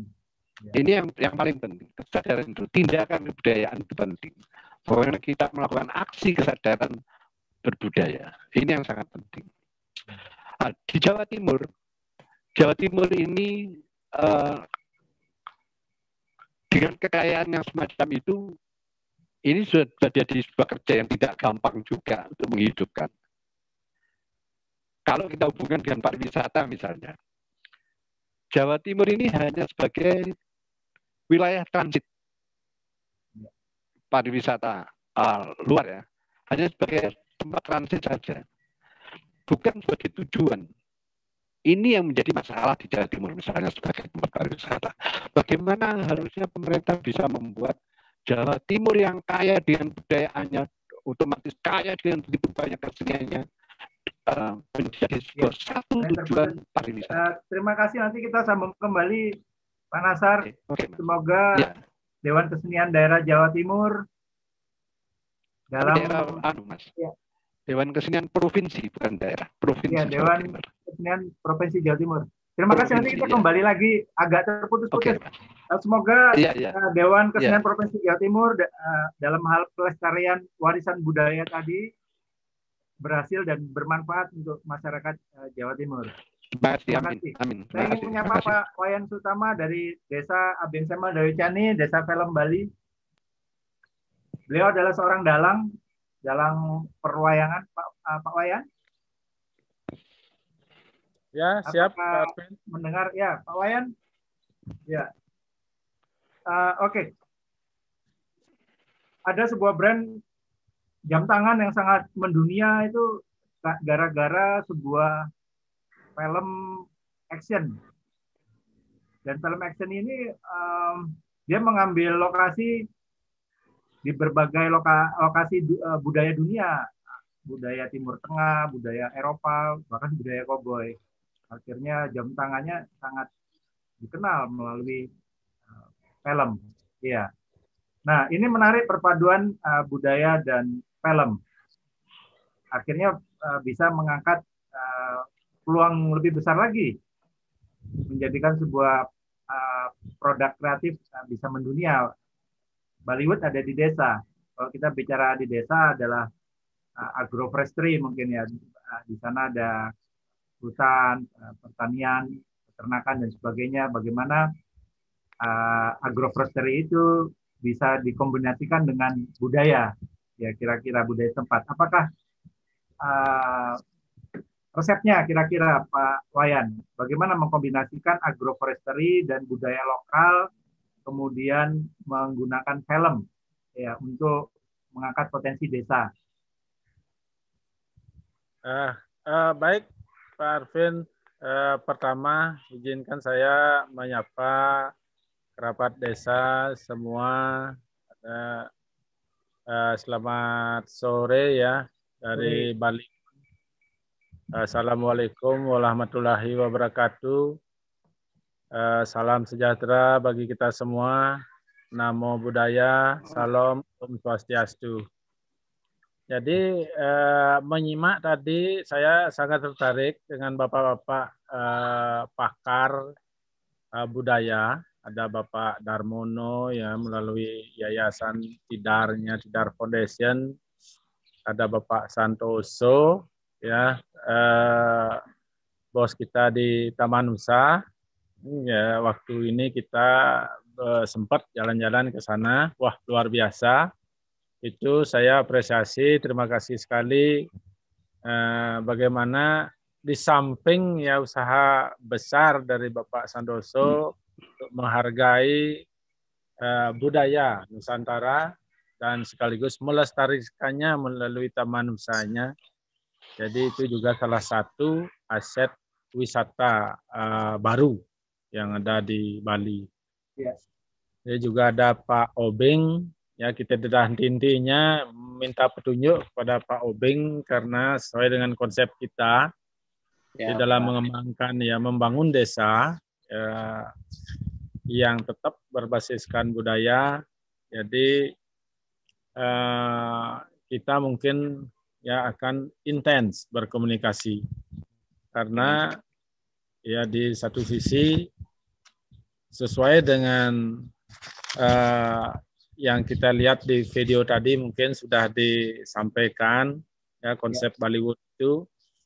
Uh, jadi kita intinya sebenarnya sama konsepnya dengan Bapak Santoso, bagaimana menghargai uh, budaya, ya karena budaya itu adalah aset yang luar biasa dari Indonesia di, di, di Nusantara ini. Jadi Pertama kita membangun konsep Bollywood. Saya wanti-wanti bersama Bapak Arvin itu bagaimana budaya lokal ya diberdayakan. Karena kalau kita ingin membangun sesuatu yang terkait dengan perfilman, salah satu industri kreatif ya di era sekarang, ya tentu saja kita kalah jauh dengan Hollywood kalau di bidang infrastruktur, SDM, fasilitas lainnya uh, dengan Hollywoodnya, apakah uh, juga dengan Bollywood kita kalah jauh, tetapi kita menang jauh di bidang uh, aset daya. Nah, dengan kita punya keunggulan di bidang budaya, kenapa kita tidak itu sebagai dasar atau base-nya untuk dikembangkan. Nah, dengan uh, seringnya kita berkomunikasi sehingga lahirlah konsep Bollywood.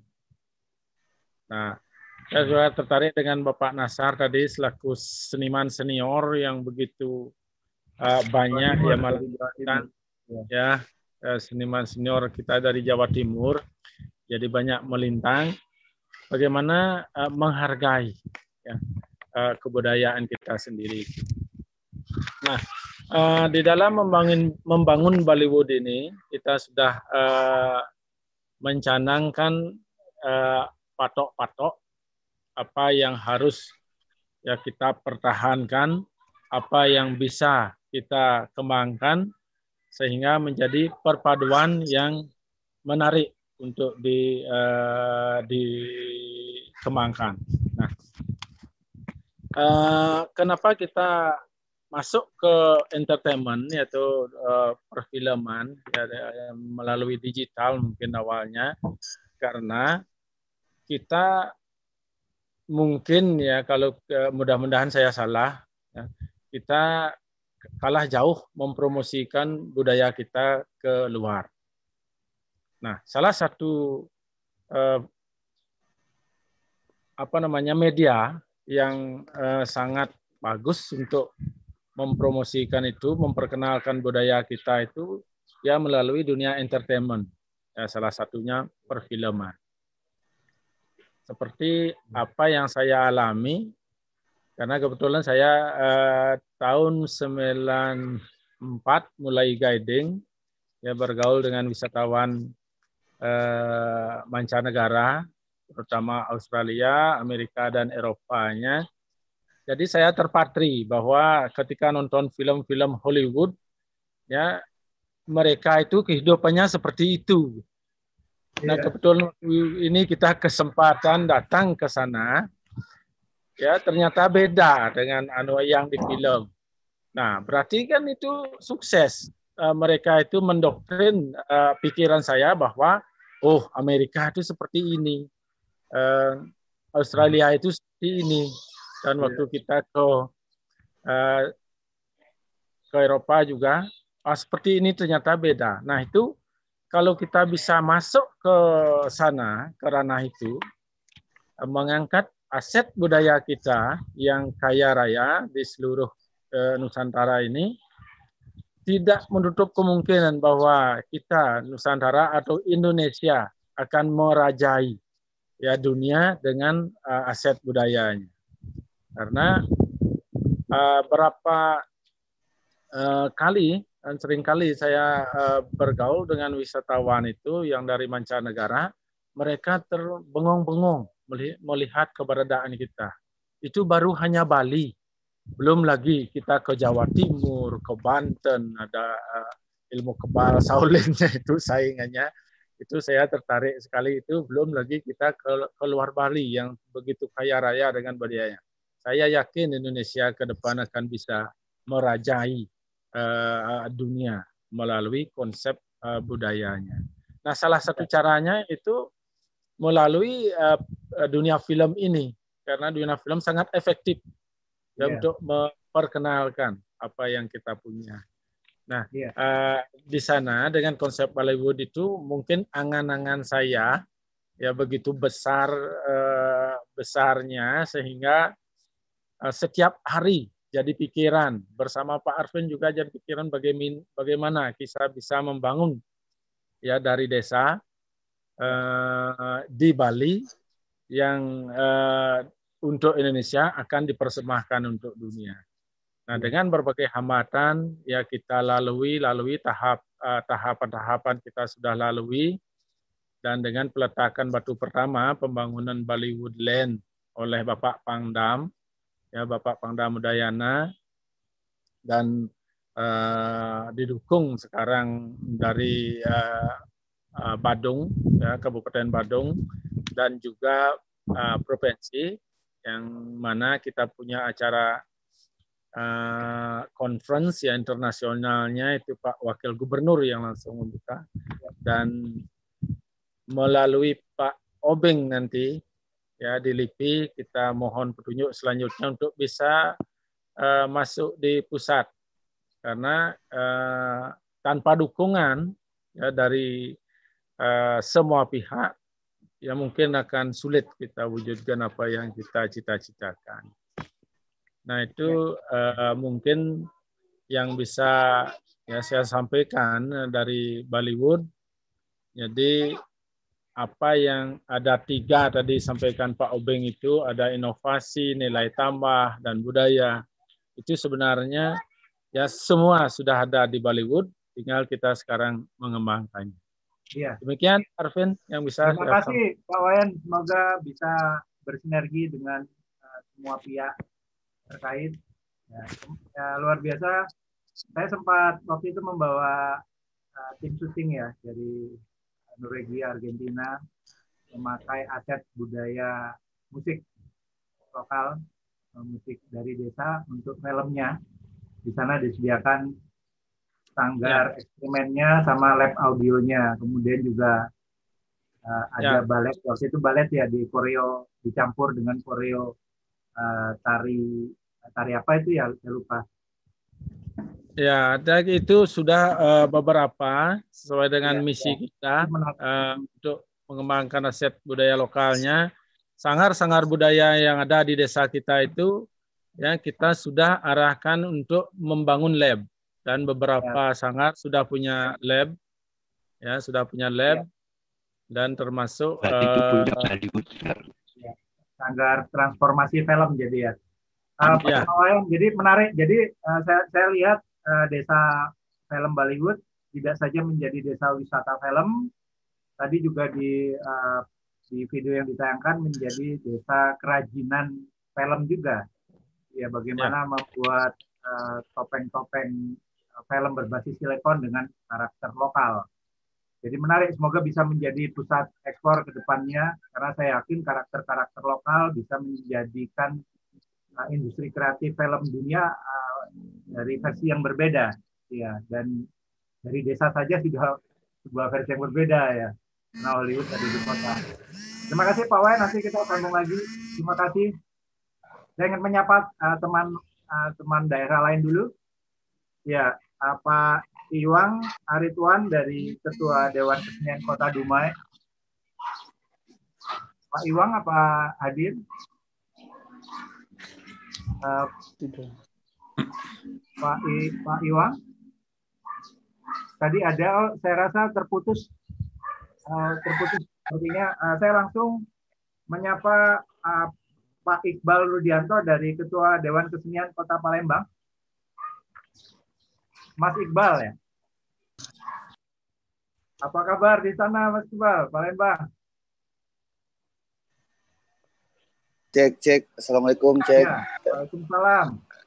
Assalamualaikum warahmatullahi wabarakatuh, Mas Arvin. Assalamualaikum warahmatullahi wabarakatuh. Waalaikumsalam. Ya, Palembang ini kan terkenal dengan budaya kulinernya, ya. Iya. Suaranya jelas ya, Mas? Sudah, sudah, sudah jelas. Kuliner okay. adalah salah satu industri kreatif ya, Mas. Mas iya. Ya? Pempek ya pasti ya. Nah, pempeknya itulah ya. pempeknya itulah mantap. Iya. Kira-kira pempek, pempek Pak Santos ya. Iya. mendunia atau belum? Kira-kira pempek Udah, ini? sekarang ya? pempek lagi didaftarkan sebagai orga ini apa uh, apa dia uh, warisan budaya tak benda ya.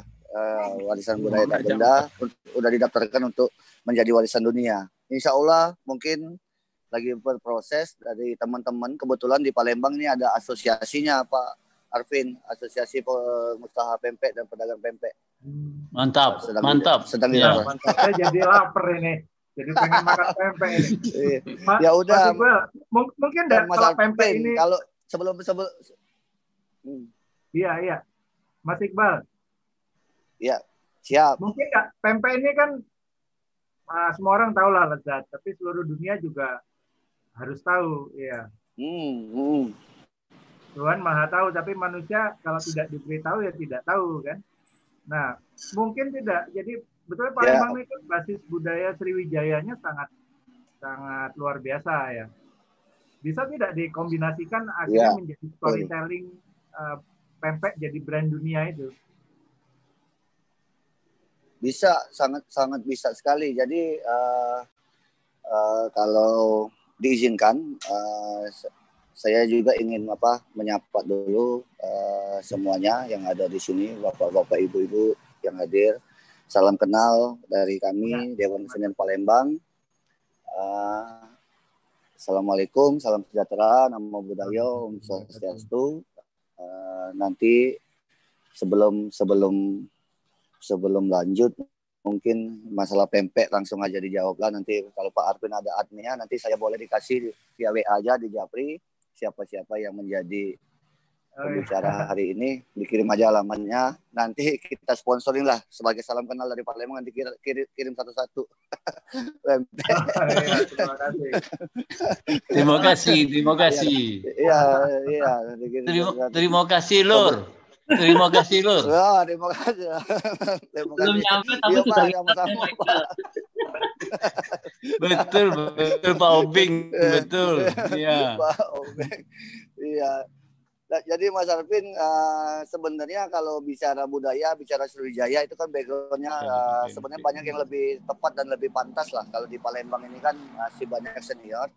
Kalau saya kan eh, di Dewan Kesenian Palembang kebetulan umurnya baru 10 bulan Pak Arvin. baru 10 bulan. Background, background saya di seni sebenarnya tangkai musik sebenarnya. Di backgroundnya seni musik. Untuk uh, 16 tahun terakhir saya berbackgroundnya tadi sempat mendengarkan masalah industri kreatif. Jadi kebetulan uh, saya bergerak usahanya di industri kreatif yaitu event organizer. Artinya dengan background kesenian musik, saya bergerak di bidang event organizer dan industri kreatif. Saya memiliki banyak komunitas-komunitas seni yang ada di Palembang. Artinya perjalanan waktu saya banyak dikenal dan membaur dengan komunitas seniman, komunitas budayawan yang ada di Palembang yang yang yang menjadi catatan adalah sebenarnya uh, boleh dikatakan terlibatnya saya di Dewan Kesenian Palembang ini uh, muaranya dari uh, keinginan teman-teman seniman untuk uh, memberikan sentuhan baru, memberikan sebuah terobosan baru terhadap dunia seni karena dinilai uh, saya mungkin mewakili dari pekerja industri kreatif. Yang kedua mungkin saya dianggap mewakili kaum kaum milenial yang ada di di kota Palembang karena ya. di Sumatera Selatan ini kan banyak deka juga ada Dewan Kesenian Sumsel dan kabupaten kota lainnya. Mungkin satu-satunya yang mewakili milenial di provinsi Sumatera Selatan mungkin baru ini yaitu Dewan Kesenian Kota Palembang.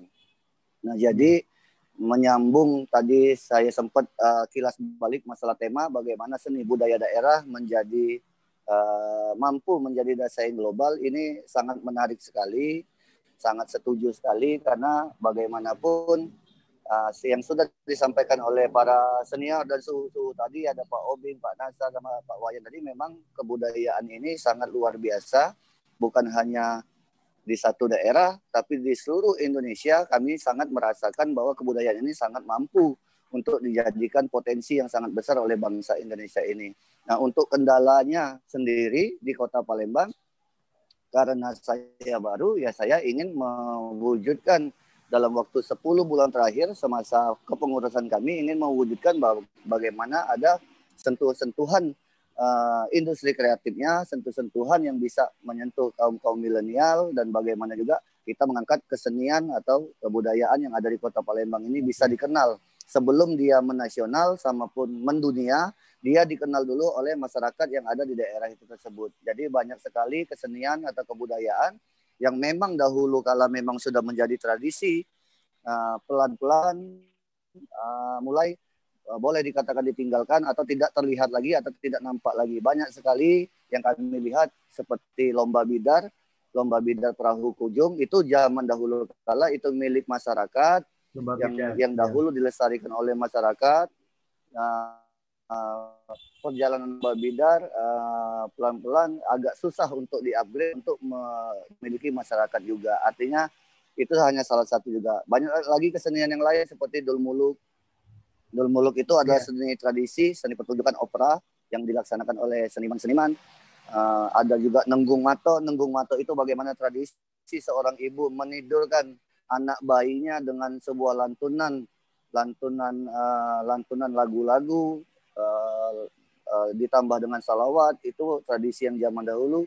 Banyak juga ada tradisi saropal anom, bagaimana jenis musik tabu-tabuhan itu yang yang yang yang harus dilestarikan belum lagi uh, perkembangan musik Batang Hari Sembilan yang banyak dikenal bisa dilihat di YouTube sama belum banyak membumi di tingkatan Kota Palembang maupun tingkat nasional. Nah, hal-hal hmm. seperti inilah yang menjadi konsentrasi kita di satu tahun pertama kepengurusan untuk mencoba uh, mengangkat atau melestarikan kembali apa yang menjadi uh, kesenian tradisi Palembang. Ada juga kita wayang kulit Palembang. Wayang kulit Palembang ini sangat tadinya sangat uh, wayang kulit. Uh, sangat Iya, jarang sekali ditemukan rupanya wayang kulit Palembang tanpa sadar kita hanya menyisakan satu dalang yang ada tersisa di kota Palembang.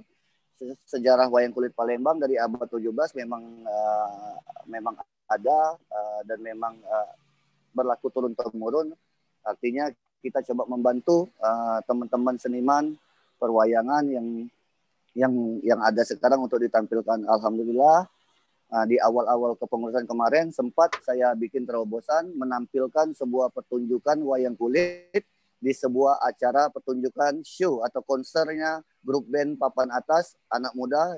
Kalau ada yang kenal Payung Teduh itu Payung Teduh itu grup band anak muda zaman sekarang. Kebetulan lagi ada show di Palembang. Saya berkoordinasi kebetulan saya event organizernya saya berkoordinasi dengan pihak sponsor untuk memasukkan kolaborasi pertunjukan seni daerah dengan pertunjukan seni modern. Dan alhamdulillah uh, acara tersebut dikasih izin dan dikasih kesempatan untuk menunjukkan itu dan respon dari masyarakat kaum kaum milenial sangat luar biasa karena yang lebih diangkat yang lebih viral adalah yang wayang kulit Palembangnya dibanding si artisnya. Jadi okay, kota okay. Palembang uh, sangat apa sangat, sangat dikenal. Jadi artinya uh, walaupun sentuhannya sedikit, hanya bermodalkan ide dan gagasan, rupanya sangat membantu untuk memperkenalkan kesenian dan tradisi yang ada di kota Palembang. Yeah. Nah kalau masalah pempek atau Sriwijaya mungkin uh, uh, mungkin sudah banyak yang tahu dan mungkin ba masih banyak yang lebih kompeten. Uh, aku lebih tertarik membahas uh, kesenian di daerah ini atau kebudayaan di daerah ini semakin banyak karena fokus kita di kesenian, boleh kami promosikan uh, jenis kesenian yang masih terinspirasi, yang sangat terinspirasi dengan kerajaan Sriwijaya itu baru satu yang bisa kita promosikan yaitu tari sambut gending Sriwijaya. Hmm. Tari sambut gending Sriwijaya ini sudah banyak dikenal. Itu merupakan tari yang sangat sakral yang memang uh, sangat khas dari jumlah penarinya harus ganjil, dari segi kostumnya, pakaiannya, dari segi aransemen musik sama background musiknya. Jadi tari gending Sriwijaya ini adalah salah satunya jenis kesenian yang memang benar-benar terinspirasi yang yang asli yang dimiliki oleh Bumi Sriwijaya dan sudah sangat dikenal oleh banyak pihak. Nah, kami ingin bertekad mempromosikan kesenian-kesenian lain melalui ide-ide dan gagasan-gagasan baru. Karena kegiatan ya. uh, we, uh, mungkin tidak mengangkat Zoom, siap. Ya, mengangkat industri kreatif lokal tadi dengan uh, musik tadi, musik tradisi tadi, bahkan olahraga bidar tadi ya, dikemas ya. untuk mendukung industri kreatif lokal lebih mendunia. Mungkin dengan cerita wayang. Sangat. Ya, menarik tadi ada wayang di Palembang. Ya mungkin wayangnya bercerita tentang uh, sejarah pempek atau apa seperti itu mungkin. Iya betul. Ya jadi wayang kulit Palembang itu memang bedanya dengan wayang yang di Jawa mungkin dari yang pertama bahasa itu itu yeah. yang pertama bahasanya menggunakan bahasa daerah daerah kita yang kedua, memang wayang kulit Palembang ini tidak ada sinden. Memang dia dari awal uh, dari awal mulanya, dari turun temurun memang dahulu kala memang uh, wayang kulit Palembang hanya pertunjukan wayang dengan berbahasa Melayu Palembang dan tidak ada sindennya dia. Terus yang yeah. kedua pertanyaan Mas Alvin, uh, mungkin tidak budaya ini untuk dikembangkan lagi. Nah kebetulan background saya bekerja di industri kreatif, jadi tahun ini seharusnya ada dua terobosan yang ingin kita bangun uh, untuk kita gelar sebuah kegiatan yang memang mengangkat budaya. Yang pertama itu ya, yaitu Festival Sungai Musi, Mas Arvin. Jadi Festival Sungai Musi mungkin di yeah. sini juga ada perwakilan Dinas Pariwisata Kota Palembang. Sempat kami sempat memaparkan sebuah konsep untuk mengangkat kembali budaya sungai yang mana Pak Palembang atau Sumatera Selatan ini memiliki uh, sembilan anak sungai yang memang uh, menjadi daya tarik uh, ciri khas ya. Sumatera Selatan dan Kota Palembang ya dari Festival Sungai. Nah, ini yang kami ingin angkat untuk menjadikan sebuah tadi yang Pak Obing bilang sebuah identity branding baru untuk Kota Palembang untuk diangkat ke permukaan. Uh, kalau bisa menjadi uh, tingkat nasional bahkan target kita menjadi kalender of eventnya di tingkat nasional untuk dijadikan sebuah event tahunan yang ada di di tingkat nasional. Jadi yeah. Festival Sungai Musi ini tahapannya sudah final sebenarnya. Kita persiapannya sudah sangat panjang dari bulan Desember tahun kemarin yang artinya harusnya dilaksanakan pada pas pada saat bulan Juli kemarin Mas Arvin okay. pada saat yeah. bertepatan dengan ulang tahun Kota Palembang dan uh, ulang tahun yeah. provinsi. Nah, apa yang yang akan kita tawarkan di Festival Sungai Musi adalah mengembalikan ke sejarah sejarah uh, Sriwijaya uh, perairan Sungai Musi yang dijadikan sebagai moda transportasi perdagangan dan masuknya uh, apa suku Melayu, China dan uh, Arab ke Kota Palembang dan juga menceritakan juga uh, uh, asal mulanya timbul-timbul kesenian-kesenian yang ada di Palembang baik dia seni tradisi, pertunjukan maupun budaya-budaya yang memang dahulu yang pernah terjadi di di, di kota Palembang. Karena yeah. ada pandemik, jadi ya, judul kegiatannya tadinya ditunda atau postpone, ya lama-lamanya support-supportnya lama-lama yeah. hilang dan ya, terima kasih. Semoga event-eventnya bisa mendunia ya. Tadi Siap, tadi sempat kita uh, bahas dengan Taman Nusa uh, era Majapahit ya atau Gajah Mada uh, hmm. sebagai era uh, kalau di sejarah itu era kahuripan ya apa era ya. Era kehidupan era kehidupan. Nah, sedangkan Sriwijaya sendiri kan itu sejak zaman uh, Salendra ya uh, uh, itu era yang yang mungkin lebih ya.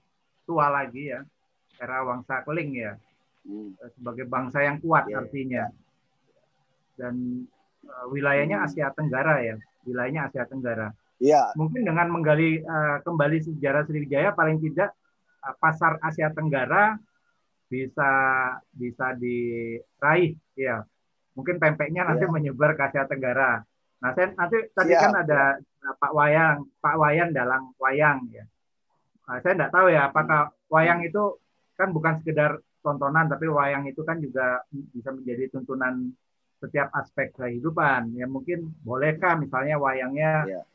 selain bahasa Palembang, bahasa Inggris, ya untuk jualan pempek misalnya, tidak tahu mungkin ya. Mungkin inovasi seperti siap. itu yang dia, yang siap, digambarkan oleh uh, uh, oleh Pak Dokter Pak Dokter Lipi. Ya.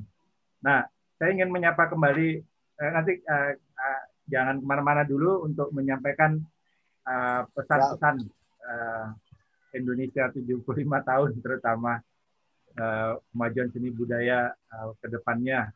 Ya. Pak Bapak Darmono, saya ingin menyapa kembali Pak Darmono. Bapak, uh, setelah menyaksikan banyak rekan-rekan kita dari seluruh uh, Nusantara, ada dari Palembang, dari uh, tadi uh, dari Jawa Timur, Jawa dari Timur. Bali, Bali, ada juga dari Riau, mungkin uh, terputus hubungannya. Ya, saya rasa mereka semua sudah uh, punya keyakinan yang sama, Bapak, bahwa uh, aset budaya ini bisa uh, menjadikan kita lebih uh, bersaing uh, kepada dunia. Ya, tapi apakah sebetulnya kita itu masih memiliki uh, apa ya sindrom inferior atau ketidakpedean dengan bahwa kita itu tidak misalnya tidak bersaing dengan bangsa luar ya.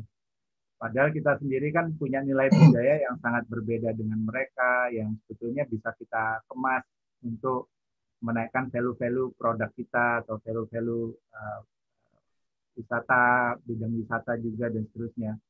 Apakah sebetulnya uh, sindrom itu masih ada, Bapak, saat ini atau sebetulnya sudah sudah sudah kita sudah cukup pede. Saya kira uh, untuk di generalis di apa secara umum generalisasi mungkin susah ya. Tentu beberapa orang di Indonesia itu sudah sangat pede ya. ya. Uh, ada yang kurang pede, tapi mungkin menurut saya mayoritas kurang pede ya. Tapi tentu ada yang sudah pede sekali ya, terutama kayak ya uh, tokoh-tokoh ini kan mestinya udah pede sekali. Kenapa pede, Pak? Sebetulnya PD atau confidence itu kan datangnya dari kompetensi. Jadi kalau orang itu kompeten, pasti dia itu merasa PD. Nah, bangsa kita ini kan masih yang masih terpecah-pecah yang merasa kompeten atau yang sudah kompeten kan saya bilang masih jumlahnya belum banyak. Yang mayoritas kan belum kompeten. Nah, kompetensi itu kan datang dari latihan. Nah, kalau tempat latihannya banyak, lebih cepat kompeten. Tiap hari misalnya bikin film, uh, ya pasti kita filmnya jadi bagus dong. Tapi ya. karena pembuatan film kita tuh sedikit, jadi ya. film kita masih boleh dibilang belum belum apa lokal aja belum, apalagi mendunia.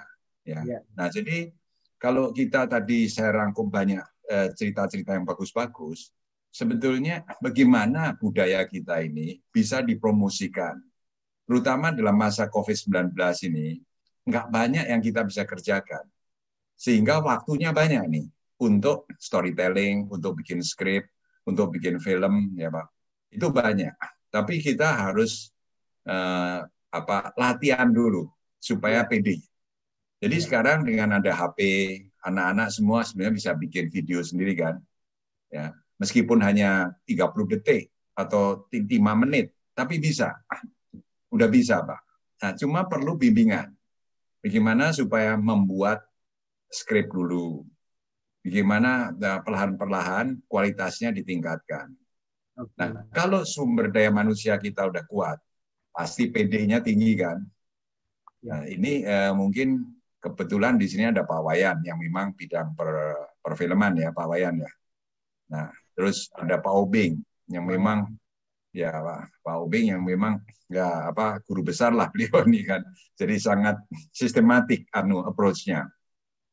Ya. Jadi kalau uh, apa kita uh, bisa bersama-sama membuat satu rencana bagaimana sindrom tadi itu hilang, tapi hilang karena ada perencanaan yang rapi, yang secara sistematis kita ke arah ke sana. Saya juga tadi bertanya-tanya, sebetulnya kerabat desa ini Mas Alvin mau ke mana sih? Ya, apa yang dipro, apa yang kita bisa eh, kerjakan bersama ya. eh, dari ini. Sangat menarik mendengarkan semua bapak-bapak punya presentasi tadi sangat menarik dari seluruh Indonesia ini. Cuman kita mungkin perlu ada apa actionnya, Mas Alvin, kalau saya boleh usul. Ya. Nah, sehingga ada ada manfaat.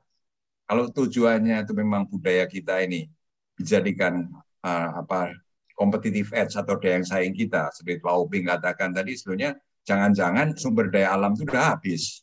Yang ada tinggal ya. budaya ini, Pak Uping. Ya. yang mungkin ya, mungkin, ya mungkin benar Pak. Pak Wayan membangun apa semacam smart village ya. Iya. Rasa kan tidak saja teknologi yang diaplikasikan film ya, teknologi uh, produksi, tapi justru ya. sistem kebudayaannya lah ya yang di atasnya bahkan. Betul, ya. betul. Saya rasa Aja. untuk membangun desa desa serupa di tempat lain kan banyak juga tinggal tematik desanya saja mungkin uh, diubah kan mungkin Bapak. Betul, betul. Ya sebetulnya kekayaan kita dari segi storytelling itu ada di pewayangan, ya kan. Pewayangan. Okay. Sudah biasa kalau dulu sebelum ada televisi, bioskop kan kita ini nontonnya wayang. Nah, yeah. wayang ini mestinya dihidupkan kembali karena ini paling mudah di desa-desa mewayangan mudah. Nah, yeah. dari dari sanalah kemudian anak-anak itu diajar bikin skrip, bikin storytelling tadi dijadikan skrip Sebab bikin film kan harus bikin skrip dulu, Mas. Ya. Oke. Nah, terus kemudian selanjutnya ya latihan. Nggak usah lama-lama lah. Bikinnya kira-kira ya satu menit, tiga menit begitu. Tapi biasakan membuat skrip. Dari situ ceritanya jadi makin hari makin bermutu, makin bermutu, pasti kompetensinya meningkat. Kompetensi meningkat pasti pede. Nah, lama-lama sindrom kita bahwa kita ini merasa rendah diri ini hilang. Karena sebetulnya kan Bung Karno tadi supaya kita jangan rendah diri, beliau kasih yeah. contoh pakaiannya begitu apa eh, putih-putih dengan bintang-bintang di mana ya, terus oh, nercis lah ya sehingga kita ini bangga presiden kita ganteng dan itu kan yeah. untuk meningkatkan PD. Tapi maunya kan ini kan instan juga bisa cepet-cepet kan. Sehingga mau tidak mau pendidikan ini harus jangka panjangnya dalam kebudayaan ini. Nah, baru kita PD sama budaya kita. Sekarang ya. coba orang-orang orang apa anak-anak Jawa ya yang sudah sekolah kan udah nggak pakai sarung, nggak pakai belangkon lagi, ya kan? Nggak pede pakai eh, apa pakaian yang sebetulnya begitu indah dari kakek neneknya. Sekarang udah pakai blue jean, pakai kaos, kan? Ya. Nah ini betul, betul, kenapa? Kenapa? Ya kan nggak pede kan? Nggak pede terhadap budaya sendiri nggak pede. Ya. Yang lebih menarik budaya Barat misalnya Ya, kemudian budaya-budaya yang lain lah, budaya Middle East, budaya Barat, itu semua lebih menarik karena merasa dengan itu statusnya naik. Ya kan? Itu sih kalau tanya sindrom, ya ada jelas. Mayoritas iya betul. Ya kan? ya. Jadi uh, kesimpulannya sindrom inferior ini terhadap bangsa luar masih di mana-mana Bapak ya. Padahal uh, warisan budaya leluhur kita sangat luar biasa besar. Nah Bapak um, tidak terasa waktu sudah dua jam lebih. Saya ingin mendengar pesan-pesan pesan-pesan Bapak untuk masa depan uh, pembangunan manusia Indonesia dan seni budaya Indonesia di dalam waktu 75 tahun merdeka ini, Bapak. Dan juga untuk pemirsa kerabat desa. Silakan, Bapak. Ya, saya kira kita mesti banyak baca sejarah. Belajar belajar, belajar, belajar supaya kita memahami betul kekayaan uh, sejarah kita. Nah, kalau itu uh, anak-anak kita mau belajar sama terus menerus ya, kita jadi lebih memahami betapa kayanya budaya kita. Kalau Pak Oping katakan ini tinggal warisan terakhir, ya jangan jangan apa uh, males untuk belajar. Yeah. Ada Pak Santosa punya taman itu kan tinggal nonton Pak ya jadi ya. silakan ya. Berkolaborasi lah Pak, kita oh, bersama-sama iya, seperti Bapak betul. tadi ngomongnya. Jadi ya, kita ya gotong royong.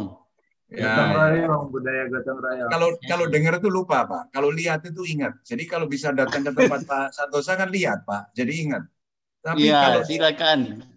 Tapi kalau nggak terus kemudian mengerjakan sendiri, ya belum mengerti Pak, ya kan? Hmm. Jadi kayak iya. Profesor yeah. Sujarwadi mengatakan, kalau Anda eh, mendengar itu lupa. When you hear, you will forget. Katanya. when you see, you may remember. Itu aja baru mungkin ingat loh kalau lihat. Oh, okay. when you are involved, you will understand. Kalau kita ikut terlibat, baru kita ngerti. Ya. Tapi kalau ini terus diulang-ulang terus, baru kita pinter, baru kompeten. Jadi oh, tahapannya itu harus dengar dulu, lihat dulu, involve, ya terlibat, lakukan. terus lakukan terus menerus, baru kompeten, baru PD gitu. nah itulah mestinya. Ya. Iya. Itu aja Pak. Ma ya, terima kasih. terima kasih. Bapak luar biasa wajangannya luar biasa. Terima kasih. Saya ingin menyapa Pak Santoso. Ya. Bapak Santoso. Ya, ya Bapak. Ya, mohon eh, pesan-pesan kepada kerabat desa. Ya. Ter terima kasih nih Pak Darmono wejangannya nih.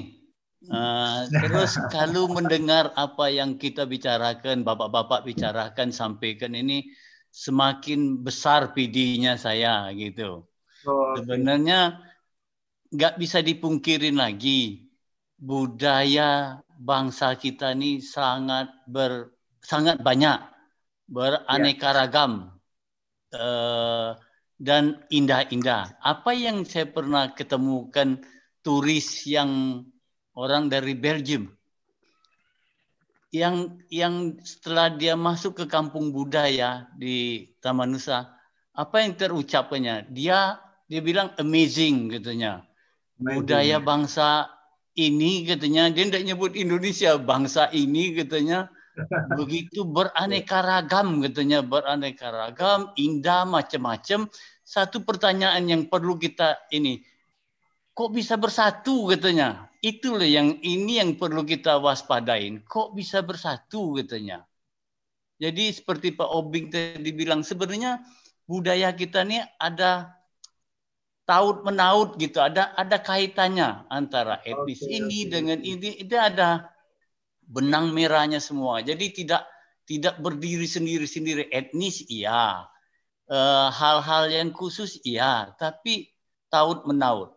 Karena yang dia bilang itu kebinekaannya bermacam-macam, indah-indah macam-macam, tapi yang dia herankan katanya kok bisa bersatu.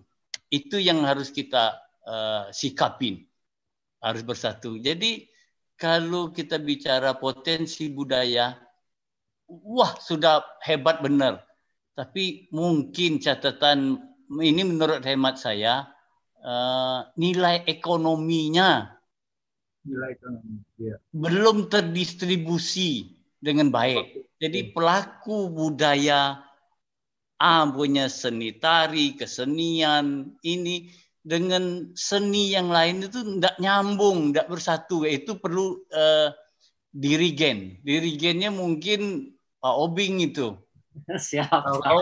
Iya, ya, karena karena kita perlu dirigen ini kalau enggak kita begini-begini saja satu nyanyi lagu uh, apa naik-naik ke puncak gunung, satunya lagu apa. Jadi enggak enggak, enggak sinkron gitu. Kita perlu dirigen. Dirigen ini seperti Pak Nasar bilang tadi harusnya pemerintah.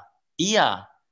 Kita enggak perlu di di di di dibantu terlalu banyak di di, di mediasi di segala macam bisa berjalan kok. Kita kita punya rasa tanggung jawab semua. Seperti Pak Darmono dengan uh, apa yayasannya Pak Nasar dengan melakukan sesuatu. Ini kan sudah berbuat semua. Uh, ya. Pak Iqbal tadi dari Palembang bicara empek-empek bicara uh, uh, tidar terus Pak Wayan dengan wayang apa eh, wayang seniman wayang sebenarnya seniman eh, dalang ya? uh, itu ya. kan suatu Pak Bapak mm uh, mohon maaf pertanyaan terputus. Oh. Sekarang? Halo?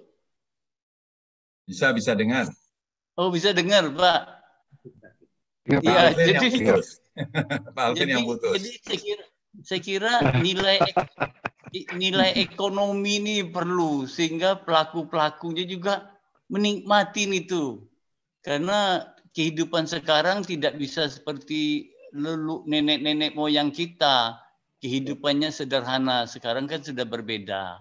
Nilai ekonomi ini harus sampai dengan mereka.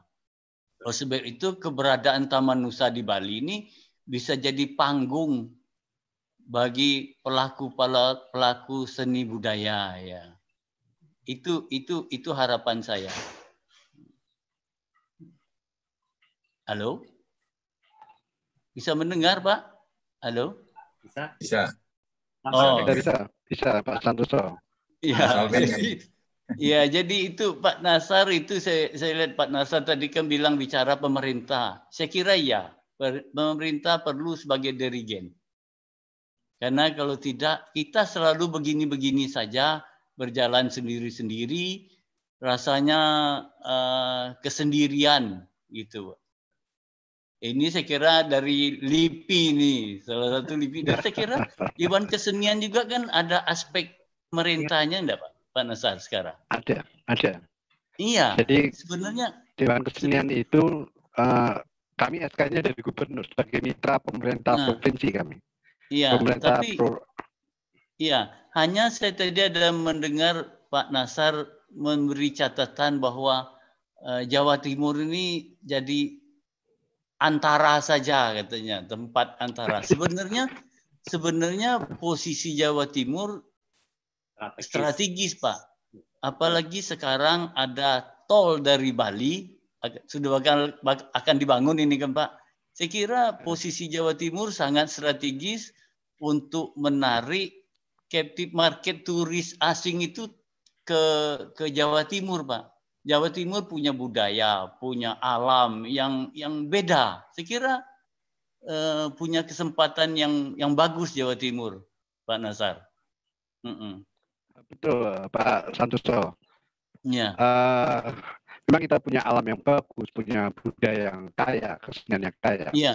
Tapi selama ini yang terjadi memang kami hanya menjadi tempat transit aja, jalan aja. Kebetulan saya punya paman itu dia uh, seorang guide senior di turis-turis Eropa terutama Perancis. Uh, dia mengatakan bahwa uh, sebelum pandemi itu malah tingkat uh, apa bermalamnya malah menurun lagi. Jadi apa ya Jawa Timur ini tidak punya satu daya tarik yang memikat mereka untuk berhenti seperti Bali. Nah, ini yang masalah sebenarnya. Ini yang menjadi masalah. Ini ini ini PR-nya pemerintah juga. Bagaimana ya. kesenian kekayaan di Jawa Timur itu menjadi satu uh, daya tarik untuk mereka untuk berhenti, tidak Betul, hanya menjadi lewatan saja. Ya. Dan tahun-tahun yang terjadi semacam itu, masih semacam itu. Kita kan dikepung Jogja, mereka sudah punya nama dulu Jogja, Solo. Nah, kemudian mereka ke Jawa Timur kan mau ke tujuannya ke Bali, lewat aja. Dan mereka kalau hmm. tengger hanya semalam hanya lihat sunset pulang pergi sudah. Ya, Mereka mungkin, ke Banyuwangi hanya ke Ijen kadang-kadang, terus pulang. Balik. Ya. Ada Majapahit, Pak Nasar. Pak Nasar. Pak Nasar, nah. kerajaan Majapahit, Pak. Dihidupkan lagi, Pak. Sisa-sisa ya. keratonnya itu. Iya kan iya. di Mojo, Mojokerto, di Mojokerto itu kan ada desa Majapahit, ya. Ada betul, ya ada Trombulan, ada desa Majapahit. Betul. Ya. Betul. Betul. Kami punya kerajaan di Jawa Timur banyak kerajaan besar. Ada Mojopahit, ada Singosari di Malang, kemudian ada Belambangan.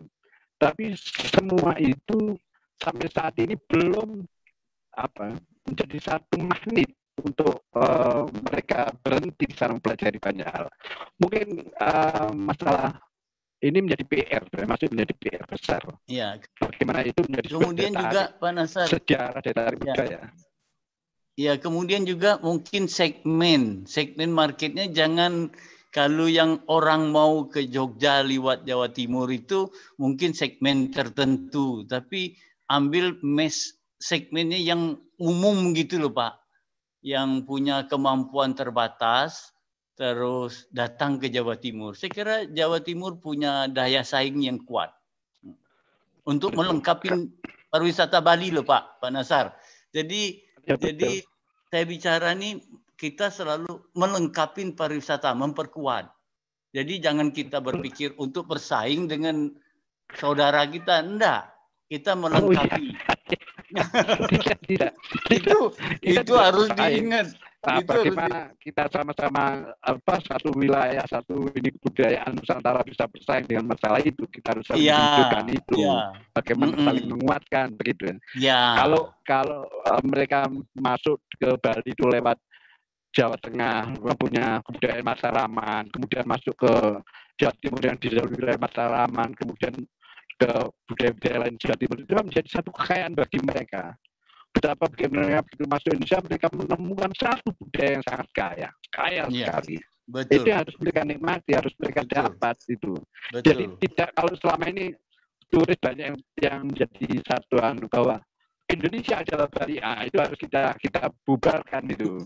Bahwa Indonesia adalah Indonesia begitu, Pak. Sebab itu Pak Nasar di Bali ada panggungnya Taman Nusa. Iya. Ya. Iya. Tapi saya kita akan tetap melengkapi, akan- memperkuat.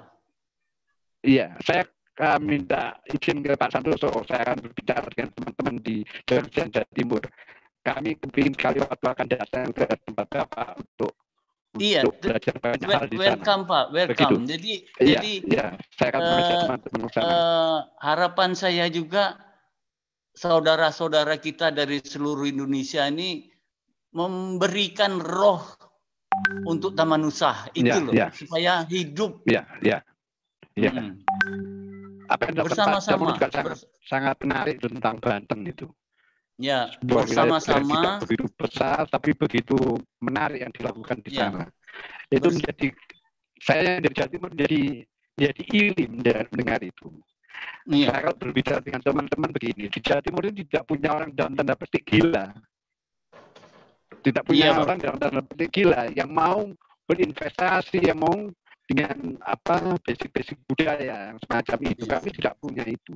Bali banyak, di Jawa Barat banyak, di Jawa Timur tidak punya yang orang-orang dalam tanda petik yang, yang itu. Itu yang Tapi perlu juga. Pak, Pak Nasar, panggungnya kit- harus manggung di Bali. Itu harus manggung. Oh iya. Dan ya, Iya itu betul. Itu sudah jadi panggung betul. dunia. Sudah jadi panggung dunia. Betul itu, itu, itu, itu hebatnya Bali. Tapi yang lebih hebat dari Bali bukan dari- kenapa bisa menjadi panggung dunia? Karena masyarakatnya begitu menghidupi, begitu menjadi satu dengan budayanya. Itu yang Betul. menjadi Bali jadi hidup. Ya. Jadi kalau Kebetulan saya. Iya Pak. kebetulan kakek saya orang Bali Pak. Kakek Oh, saya dari jadi- Karangasem. Iya, kalau Pak Nasar ini saya kira Pak Wayan, Pak Arvin, Pak Darmono, Pak Obing, eh, Pak Iqbal tadi bahwa harus dilihat Bali ini. Semua pariwisata punya hospit hospitality, tapi masyarakat Iya. Bali punya hospit hospitality yang berbeda. Hospitality mereka Iya. tulus gitu. Jadi jadi eh, Iya. tulus itu punya makna yang tersendiri, tulus. Hospitality-nya itu Iya. tulus. Jadi kalau kita orang Bali ya bilang auranya berbeda itu. Nah, nah, jadi jadi Iya, hospitality iya. itu yang harus kita kita punyain juga. Itu Pak Nasar. Betul, betul. harus betul. tetap semangat. Betul, saya kira Betul, saya kira dengan adanya proyek tol ini Oh, bisa menjadi jadi eh, apa eh, vitamin Eh, untuk justru begini, Pak. persiapkan lagi ya. Eh, begini Bapak, satu hal kalau kita ngomong, maaf kalau saya kalau saya ngomong proyek tol, satu hal bisa dikatakan sebagai vitamin karena memperlancar infra, ini memperlancar ini. Tapi Iya. satu hal juga itu bisa me- juga apa mematikan eh, daya Oh, objek di Jawa Timur. daerah-daerah jalan-jalan yang yang dulu sebelum ada tol dilewati. Kalau ada tol orang akan lewat Iya. tol, tidak lewat wilayah-wilayah yang dulu. Itu juga menjadi masalah tertentu dari tol. Ya, Pak Nasar, tidak apa-apa bertukar rupiah tapi yang datang dolar gitu loh Pak. Keinginannya begitu, Pak. Kita coba, betul dah Pak Darmono. Ya, Betul kita, kita coba. Kita coba, kita Ya, coba. Iya, rupiah Alvin, tidak Mas- bisa Iya. rupiah Ya, tidak bisa kita Mas Alvin, tahan balik. ini. Ya, Mas Alvin, balik lagi itu. Nah, itu Mas Arafin. Kita lagi bicara rupiah ditukar do- dolar, tapi Ya, Iya. Mas Alvin. Sepertinya Semangat, Mas semangat. lagi ya. Unmute, unmute, Ya. unmute. Mas Alvin, unmute. Mas Alvin, di unmute. Halo. Halo. Mas Alvin, di unmute, di unmute. Ya, Mas ya. Alvin. Masih mute, masih mute. Mas Alvin. Ah ini Oke. Nah, Oke, terima kasih. Oke. Tadi saya putus internetnya. Ya. Wifi-nya- berlanjut wifi-nya. langsung. Terima kasih. Jadi tadi Pak Santoso Silakan, silakan. menggantikan sebagai host. Ya, terima kasih Pak Santoso. Ya, Silakan, silakan. Itu mendengar seru juga. Ya. Tidak terasa waktu sudah uh, lebih dari dua jam kita mengudara satelit. Uh, tadi saya sampai mana? Saya sampai lupa ya. Oh ya, uh, Pak. Selanjutnya komen yang ke- saya sudah selesai. Saya sudah selesai. Sudah, ya, sudah. Terima kasih menjadi host. Ya Pak Nasar, terima kasih. Mungkin Pak Nasar belum menyampaikan uh, se- sepatah kata, uh, sepatah dua kata-kata untuk pemirsa kerabat desa. Baik, Mas Arwin. Saya kira eh, yang terpenting adalah kalau kita ngomong tentang bagaimana budaya lokal bisa mengantisipasi tentang ini global dengan menguatkan desa, saya kira. Bagaimana eh, yang terpenting adalah menghidupkan terus, menumbuhkan terus desa-desa wisata. Ini memperkuat kebudayaan-kebudayaan di desa itu. Karena begitu banyak wilayah-wilayah itu yang mempunyai desa-desa mempunyai budaya yang beda, mempunyai kesenian beda, mempunyai kuliner yang berbeda, yang punya kekhasan sendiri. Ini adalah kekuatan yang mesti dihidupkan. Dan ini adalah eh, pemerintah sudah punya kementerian tentang desa, tapi bagaimana kementerian itu memasukkan pada anggaran-anggaran ke desa itu secara eksplisit disebut bagaimana memajukan kebudayaan di desa-desa itu di Nusantara. Ini penting. Ini penting. Saya kira Ya. saya kira kesadaran masyarakat desanya juga penting itu. Iya. Terima kasih, terima kasih semua. Ya. Membangun bangsa melalui desa. Apalagi desa kita Itu punya desa sekali. 80 ribu desa. Bayangkan ada Betul. berapa besar itu kita bisa membangun desa industri berbasis budaya, terutama industri kreatif berbasis Iya. budaya. Kita Terima kasih. punya Ya, ya. Dokter Robing, Iya. silakan kan pesan kepada pemirsa desa. Ya, kerabat terima desa. kasih. Eh, kerabat desa, sebetulnya begini. Eh, salah satu aspek dalam kebijaksanaan di dalam kebudayaan yang sekarang sebetulnya sedang didorong itu adalah eh, bagaimana eh, mendorong eh, kreativitas. Oke. Tapi saya tekankan bahwa kreativitas di sini tidak harus dimaknai eh, hanya pada pelaku eh, wisata, eh, seniman atau pelaku budaya, tetapi juga kreativitas masyarakat untuk memberikan eh, apresiasi terhadap eh, kreativitas eh, kita sendiri atau kreativitas masyarakat kita sendiri.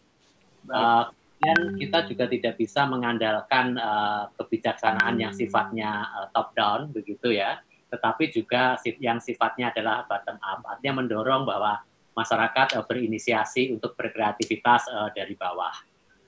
Nah, kemudian yang kedua, Mas Arvin, menurut saya adalah eh, bagaimana kita membangun jejaring eh, bersama itu penting ya. Jejaring bersama itu menurut saya sangat-sangat penting karena dalam masyarakat digital sekarang eh, eh, itu pada era digital ini hal yang paling signifikan adalah salah satunya bagaimana memanfaatkan eh, teknologi digital itu untuk membangun jejaring dan eh, jejaring itu menjadi penting hal penting yang harus kita lakukan.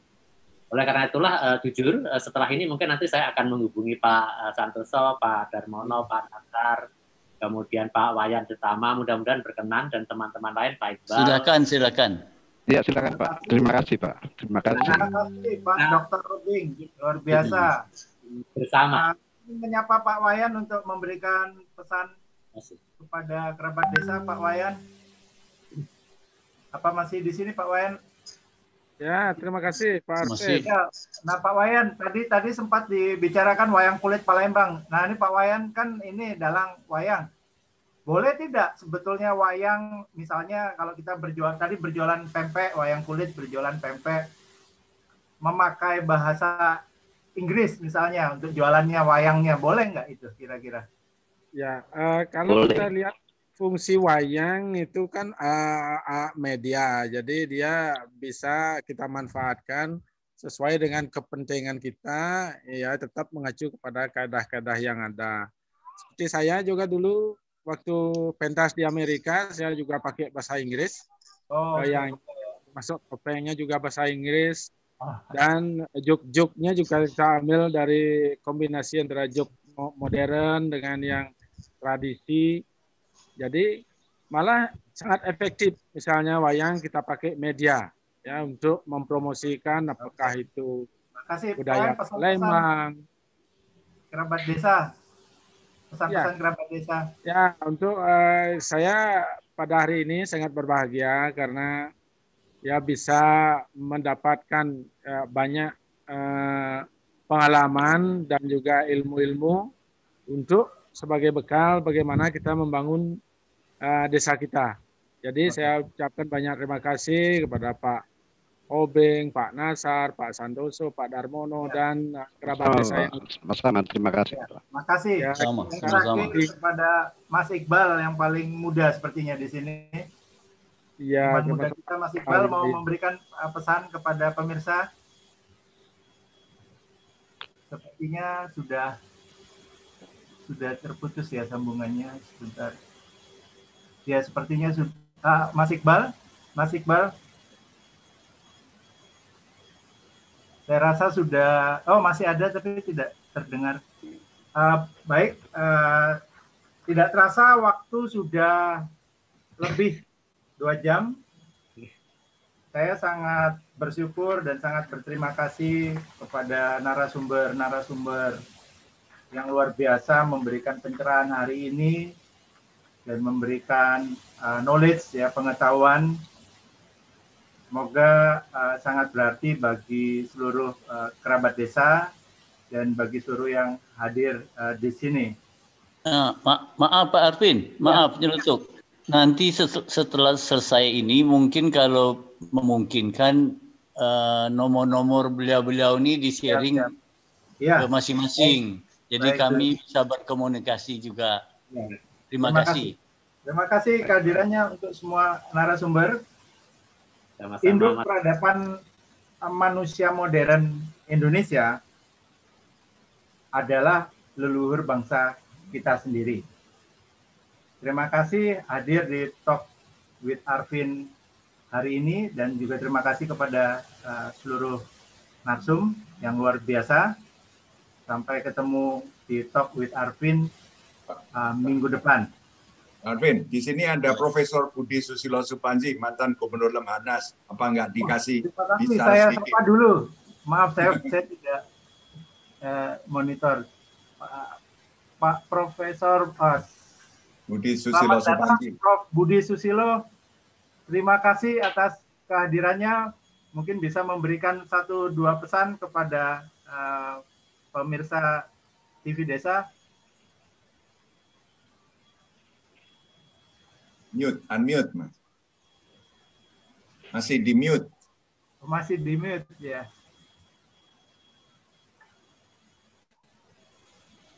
Prof. Budi. Prof. Budi masih di mute. Ada kehadiran tamu spesial Prof. Budi. Terima kasih Prof. Budi. Oh, oh mungkin sudah sudah Oh, out malah ya. Terima kasih. Oh, enggak. Ya. Ada tadi ada ada se, sekilas tadi keluar. Ya, ya. Prof Budi, Prof Budi masih di mute. Nah itu, ya. Oh, masih di mute itunya, apa namanya? Masih unmute mas. Salah mindset, salah mindset. Iya. Nah, yang ke mindset videonya.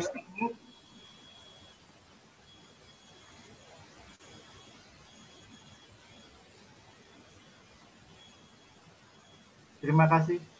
Sepertinya ya, uh, agak ya. kes, agak kesulitan mengunmute. Unmute. Ya, as to unmute. Uh, ya, ya, ya, enggak kedengaran ah, pembicaraan. Ya, itu biasa. Ah, ini. Terima kasih Prof. Budi. Wah, senang sekali hadir Bapak. Ya. Mohon menyampaikan. Saya terima kasih Pak Arvin, saya mendengarkan dengan seksama apa yang tadi disampaikan Pak Arvin, Pak Obeng, Pak Santoso, Pak Nazar, Pak Wayan, dan kawan-kawan yang sangat mengesankan pada uh, falsafah. Kalau saya dengar di Lemhanas itu dulu bahwa budaya ini artinya sangat luas karena termasuk teknologi dan hukum pun dimasukkan di dalam budaya. Dan yang kita bicarakan tadi, saya mendengarkan sendiri ada seni, ada pakaian, motif, ada makanan, minuman, film, tarik suara, musik. Walaupun Profesor Brandes, antropolog dari Belanda, dan disitir oleh Bung Karno pada waktu salah satunya dalam merumuskan beberapa sila-sila Pancasila, Profesor Brandes mengatakan bahwa orang Nusantara ini sudah mengenal kultur, mengenal ilmu bintang, dan ilmu musik, yang salah satunya itu adalah uh, pentatonis. Kalau orang Eropa mengenal diatonis, diatonis. do re mi fa sol la si do. Kalau kita Jiro Jiro lu 4 eh Jiro mo, ya. uh, Jiro mau 6 G itulah kira. Dan itu oleh komposer Prancis antara diatonis dan uh, pentatonis digabung waktu peresmian Eiffel Tower dan itu disitir oleh eh, orang-orang uh, UI di Fakultas Ilmu Budaya mereka mengenal uh, Eh, seniman-seniman yang menggabungkan itu. Yang artinya membenarkan tesis dari Profesor Brandes. Dan sehingga sangat luas dan karena budaya itu maka Bung Karno bisa salah satunya itu mampu menggali budaya Pancasila. Dan saya tertarik apa yang disampaikan Pak Santoso, orang Belgia, kenapa kok bisa bersatu? Dan disitir oleh Bung Karno, national unity can only be preserved upon of basics. This is larger than the nation itself. Mm, Jadi persatuan bangsa ini bisa ditopang oleh sesuatu yang lebih besar dari bangsa itu, yaitu Pancasila. Dia bilang begitu. Dan Profesor yeah. Yuwono, mantan Menteri Pertahanan dan Menteri Pendidikan Nasional mengatakan kita bersatu karena Pancasila. Oleh karena itu saya semakin yakin kalau ini disatukan akan uh, sesuatu yang tinggi. Namun punya kelemahan-kelemahan, Pak. Pak Alvin. Salah satunya kalau musik ini dalam musik ya. Karena tadi ngomong persatuan. Orang Eropa karena dia mengenal diatonis, kalau di STEM dia menggunakan garpu tala. Sekarang dengan era digital mudah. Biola di stand begitu, saxophone, klarinet, flute, piano karena saya main di dalam profesor band, saya pemain piano dan pemain saxophone dan flute, itu nyetemnya mudah karena ada garputala yang dipakai sebagai pedoman, standar suara. Begitu kita punya gamelan, saya belum tahu Pak, mungkin bisa gamelan Jawa dengan gamelan Bali kalau disamakan bisa nyambung nggak? Nah ini perlu ahli. Dan kalau ya. mau, kalau bisa itu tidak semudah itu dengan nyetem piano karena di eh, stemnya dengan disenar dan sebagainya. Kita harus mempertebal uh, apa metalnya dan itu teoritis bisa tapi sulit. Nah ini sesuatu di bangsa Indonesia ini sesuatu kalau tidak dirabuk dengan baik maka persatuan juga bisa hilang karena ada titik-titik yang sulit. Tidak boleh seorang pejabat publik mengeluarkan kata-kata yang menyakitkan hati, misalnya ini contoh aja. Dan itu ya. perlu dididik. Dan itu ilmu budaya. Nah, kalau kami sendiri itu dalam bidang teknik, saya terima kasih bahwa dulu dididik oleh profesor-profesor dalam bidang sosiologi, antropologi, yang mengatakan kurang lebih kalau you hanya teknik saja, tapi tidak tahu tentang budaya Indonesia, you akan dilibas hancur begitu saja dengan mudahnya. Kira-kira begitu. Terima kasih Pak Alvin. Kira-kira itu yang saya sampaikan. Salam hormat untuk semuanya. termasuk empek-empeknya. Ya, saya juga teringat pempek.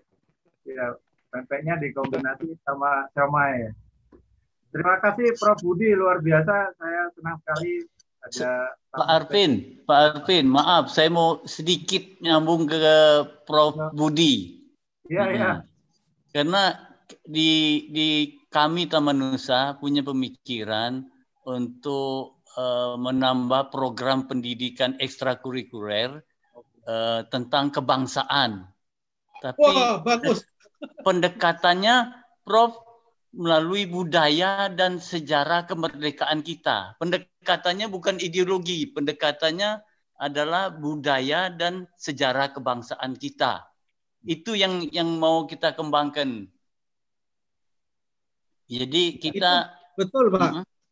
Pak- Pak Santoso betul bahwa dalam geopolitik ada tiga faktor yang penting. Pertama Ya. adalah sejarah, yang kedua adalah mengenai geografinya, Ya. yang ketiga adalah falsafah hidup dari bangsa itu sendiri. Tiga poin itu. Iya. Jadi tidak bisa lepas. Kenapa dulu Sriwijaya namanya sampai dikenal di Thailand? Kenapa Mojopahit sampai dikenal di eh, mana Pulau Luzon, eh, Luzon apa yang ada di Filipina? Jadi ada sejarah-sejarahnya.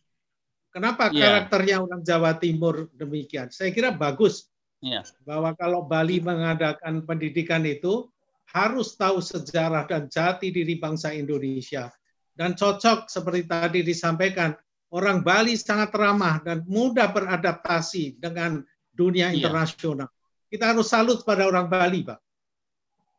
Betul, Pak. Betul, Prof. Jadi jadi hebat kita. Hanya Hebat. perlu dirigen. Dirigen itu penting sekali dirigen. Jadi jadi Orang Bali, katanya orang Bali juga mempunyai kelemahan, tapi bukan Iya. di sinilah kita ber, eh, ber hebatnya lebih banyak, banyak hebatnya. iya, iya, iya. Oke. Jadi Luar jadi itu itu jadi PR kita semua, mimpi kita bersama. Dan seperti Pak Darmono bilang, kita dengar, kita lihat, terus kita kerjakan, lakukan. Ya, jadi jadi apa yang kita bicarakan sini eh, membuahkan hasil. Hmm, kita kerjakan bersama. Bersama Pak, gotong royong. Kalau Iya, Pak. Pak Darmono sendiri, saya kira ini juga saya sendiri susah. Pak Nasar, Pak Obing, Pak Iqbal, semua eh, eh, mungkin tidak akan selesai. Iya. Terima kasih Mm-mm. Pak Kita harus Santoso. gotong royong. Ya, tidak terasa waktu sudah eh, sudah lebih dari dua jam. Kita diskusi panjang, luar biasa. Ada istilah Sansekerta Jumadil Kubro, berkumpul sesua- untuk sesuatu yang besar. Semoga hari ini kita berkumpul untuk sesuatu visi bangsa ini bersama-sama bergotong royong. Amin, Terima amin, kasih amin. Amin. Vin. Terima kasih. Terima kasih Bapak-bapak. Bapak semuanya. Pak Darmono, Santoso. Pak Priya, Ya. ya,